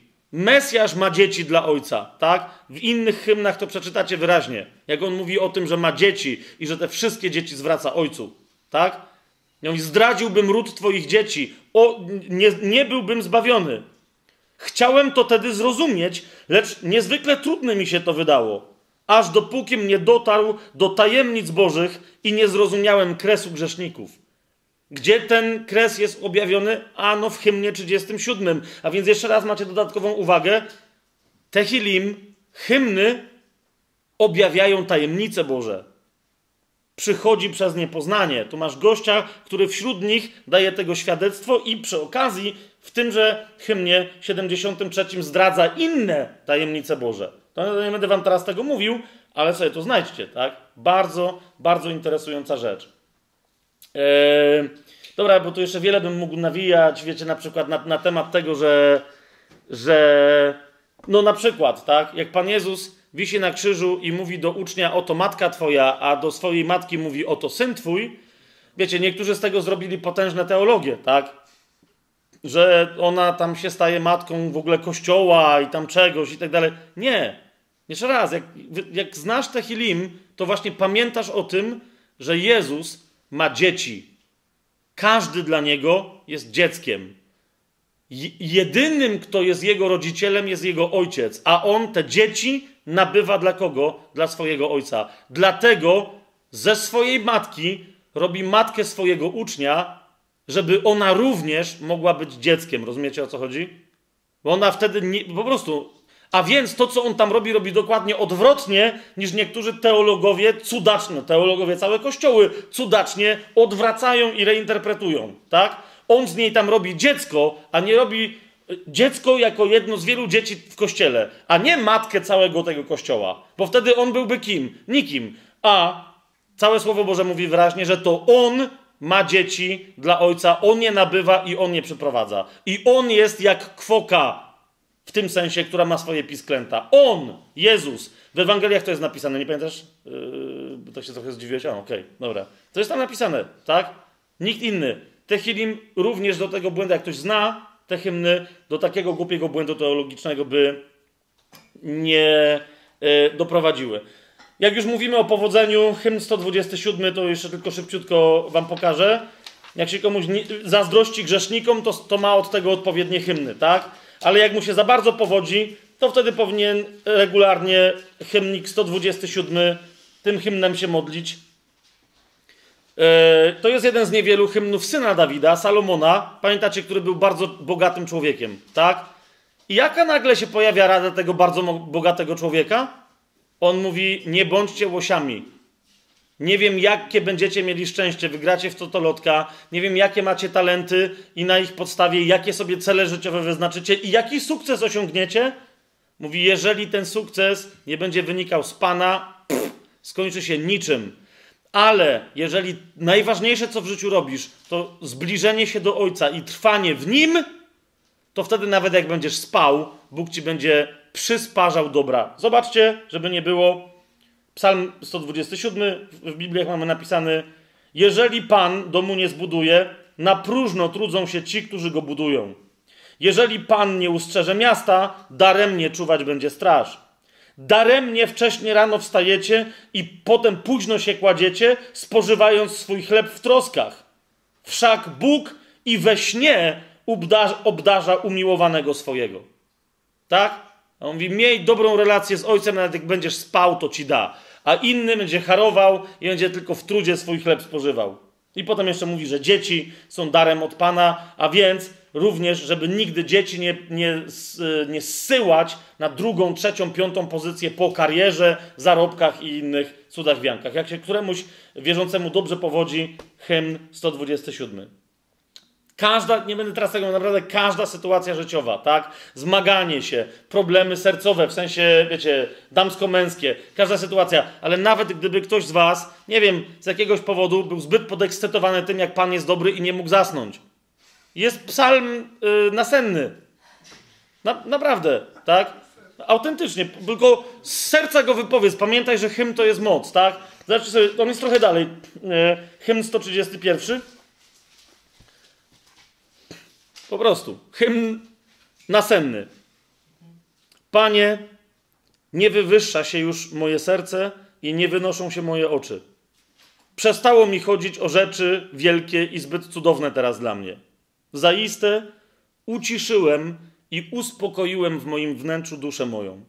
Jak dziecko odstawione już od piersi swojej matki, w domyśle, że wiecie, nakarmione, tak? Jak dziecko odstawione od piersi u swojej matki, tak we mnie spokojna jest dusza moja.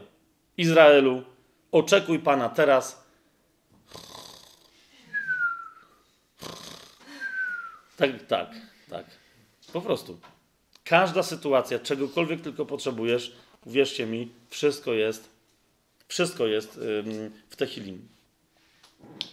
Mamy jeszcze chwilę? Jeszcze mi jedna rzecz przyszła na myśl. Yy, nie, nie, już będzie tylko tyle. Bo teraz, widzicie, e, żeby znowu nie było, że ok, zostaniemy na tym i, i, że jeszcze raz, absolutnie nic z tego, co powiedziałem, nie powiedziałem przeciwko służbie uwielbieniowej, e, oddawaniu chwały w kościołach, we wspólnotach. Jasne to jest? Nie, ale jeszcze raz, e, zwłaszcza ci ludzie, którzy prowadzą uwielbie, uwielbienie dla większej społeczności, powinni tak być przeniknięci Tehilim e, hymnami. Tak? Powinni być przeniknięci tym, co naprawdę przenikało Dawida. Swoją drogą, e, kiedyś byłem zaskoczony. Jak, otwórzcie sobie księgę Amosa, e, szósty rozdział, i tam zobaczycie coś, coś zadziwiającego. Czasem ludzie powtarzają, że, że ktoś jest wszechstronny, yy, że ktoś jest wszechstronny jak Da Vinci. Że jest, że jest Da Vinci, że jest człowiekiem renesansu. Naprawdę, znaczy da, da Vinci super, ja nie wiem co on tam robił, tak? Ale jak zobaczycie co Dawid robił, ile on robił, ile wojen toczył, ile się ukochał w swoim życiu na różne sposoby z różnymi ludźmi, ile yy, i ile się natworzył, tak? Ile napisał genialnych rzeczy, jak zarządził służbę w świątyni, którą zaplanował, chociaż jej nie zbudował, tak? Ale na jego planach, jak pamiętacie, Salomon budował. To nagle jak się dowiadujecie jeszcze o czymś takim, to jest naprawdę mała sensacyjka. A Amos y, tylko zupełnie mimochodem, bo on akurat kogoś próbował zrugać, tylko zupełnie mimochodem jedną z tajemnic życia Dawida nam zdradził, które nigdzie indziej pismo, o których nigdzie indziej pismo nam nie zdradza. Aż tak bardzo. Zacznij sobie księgę Amosa, szósty rozdział. Yy, I Amos tam krzyczy na yy, beztroskich na Syjonie, tak? Że zamiast się troszczyć, yy, zamiast się troszczyć o Syjon, to oni są beztroscy. Co tam się dzieje? Chcesz wam pomóc? Nie możemy księgi Amosa. Jest Daniel z takich dużych, Izajasz, potem Jeremiasz, potem Ezechiel, potem Daniel i potem już tak powolutku, bo tam będzie tam i, i, i traficie na Amosa. Strona 980. Okej. Okay. Jest? Więc w szóstym rozdziale Amos y, tam krzyczy na beztroskich na Syjonie, ale między innymi, zauważcie, to, co u, u, Dawida było świętym dziełem, im wytyka, że zamiast robić poważne rzeczy, to się zajmują głupotkami. Dawid to robił przy okazji 500 tysięcy innych wielkich dzieł, które podejmował. Zobaczcie, szósty rozdział, piąty werset. Pobrzękują na strunach lutni i jak Dawid wymyślają sobie instrumenty muzyczne. Zobaczcie, Dawid nie tylko był genialnym muzykiem, poza wszystkimi innymi rzeczami, które, które robił, jest w tych historiach, które tam kiedyś rozważaliśmy, na przykład wyraźne stwierdzenie, że Saul, kiedy jeszcze był królem, wzywał Dawida, żeby mu grał, ponieważ tylko Dawid potrafił taką nutę wydobyć, że Saul się trochę uspokajał, tak? A tu mamy napisane, i to, rozumiecie, Amos ma w ogóle co innego w głowie, ale musiał skądinąd wiedzieć, tak? Że, że, że Dawid był tak utalentowany, że nie tylko grał na różnych instrumentach, ale jeszcze kolejne wymyślał, tak? I je tam testował. Obczajecie, jak wymyślił instrument, to musiał się nauczyć na nim grać, tak? I tak dalej. Tu mamy wyraźnie powiedziane, tylko no ten mówi, no a wy, no właśnie, no jedyne co wam z Dawida zostało, to że też sobie wymyślacie jakieś fujarki, tylko niewiele z tego, niewiele z tego wynika. A więc jak mówię o uwielbieniu, yy, ono musi we wszystkich, którzy są odpowiedzialni za uwielbienie, tak wiecie, muzycznie, wokalnie w naszych społecznościach, to musi wypływać ich, z ich serc, a wtedy naprawdę ich kreatywność będzie Dawidowa, tak? Będą tworzyć. E, cały czas ja mam wrażenie, że jest, że jest za mało oryginalności, że jest nieprawdziwa ta nasza muzyka. Jeden ktoś napisze gdzieś w Betel jakiś kawałek i wszyscy go grają po chińsku, po ukraińsku, cały świat. Mamy jedną piosenkę, po prostu. Taką kreatywność Bóg nam dał. Jak, jak już się jeden styl włączy, taki półpopowy, półrokowy, to wszyscy tak ciupią, tak? A gdzie się podziały dobre gospele, gdzie się podziały kapele bluesowe? Ja, ja bym chętnie. Po... Czemu, czemu jeszcze pamiętasz, Kamil, myśmy o tym rozmawiali? Przecież jest parę takich hymnów, które by się tak idealnie nadawały. Pomyślcie, żeby z nich zrobić porządnego rock'n'rolla. Ja bym chciał kiedyś się pomodlić jednym, drugim kawałkiem, który byłby rock'n'rollowy. Łapiecie o co mi chodzi? Właśnie, żeby, żeby, żeby co jakiś czas się pojawił jakiś raper, który po prostu porządnie tam to zrobi, a nie tylko pum, pum, pum, ale de facto z tyłu stoi chórek i robi to samo co wszyscy, tak? Żeby się pojawili ludzie w ogóle z innych, kapujecie, żeby się jazzmeni pojawili, którzy po prostu będą śpiewać o tym, jak Pan jest dobry w jakiś w ogóle dziwaczny sposób, że wszystkim gały wypadną, uszy przyrosną, szesnaste do głowy, żeby mogli wszystko usłyszeć. Czemu my w tym jesteśmy tacy dziadoscy, że idziemy za światem? Świat wprowadza modę, a my wtedy za tą modą. Ja już pomijam te piosenki, które w ogóle są przeróbkami światowych kawałków. Rozumiecie?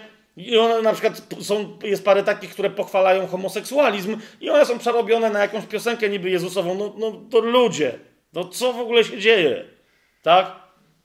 Nie, nie, nie, akurat nie w, nie w tych kręgach, to, bo tam Ola widzę, że nie, nie w tych kręgach naszych, ale chodzi mi o to, że no, y, tam jedna ekipa kiedyś to odkryła, że taką piosenkę mieli, no nie? Zupełnie od jakiegoś tam zespołu. O to mi idzie, tak? Jeżeli Tehilim zaczniemy praktykować w sercu, to one się zamienią w taką moc uwielbieniową, że świat, rozumiecie, nie będzie dawał chrześcijańskim twórcom nagród grami, tak? Ale że my będziemy rozdawać nagrody swoim, a nawet niewierzący będą chcieli grać chrześcijańską muzy- muzykę, żeby poważną nagrodę dostać, a nie jakąś grami. Łapiecie o co mi idzie? No to, to ja idę się modlić psalmami.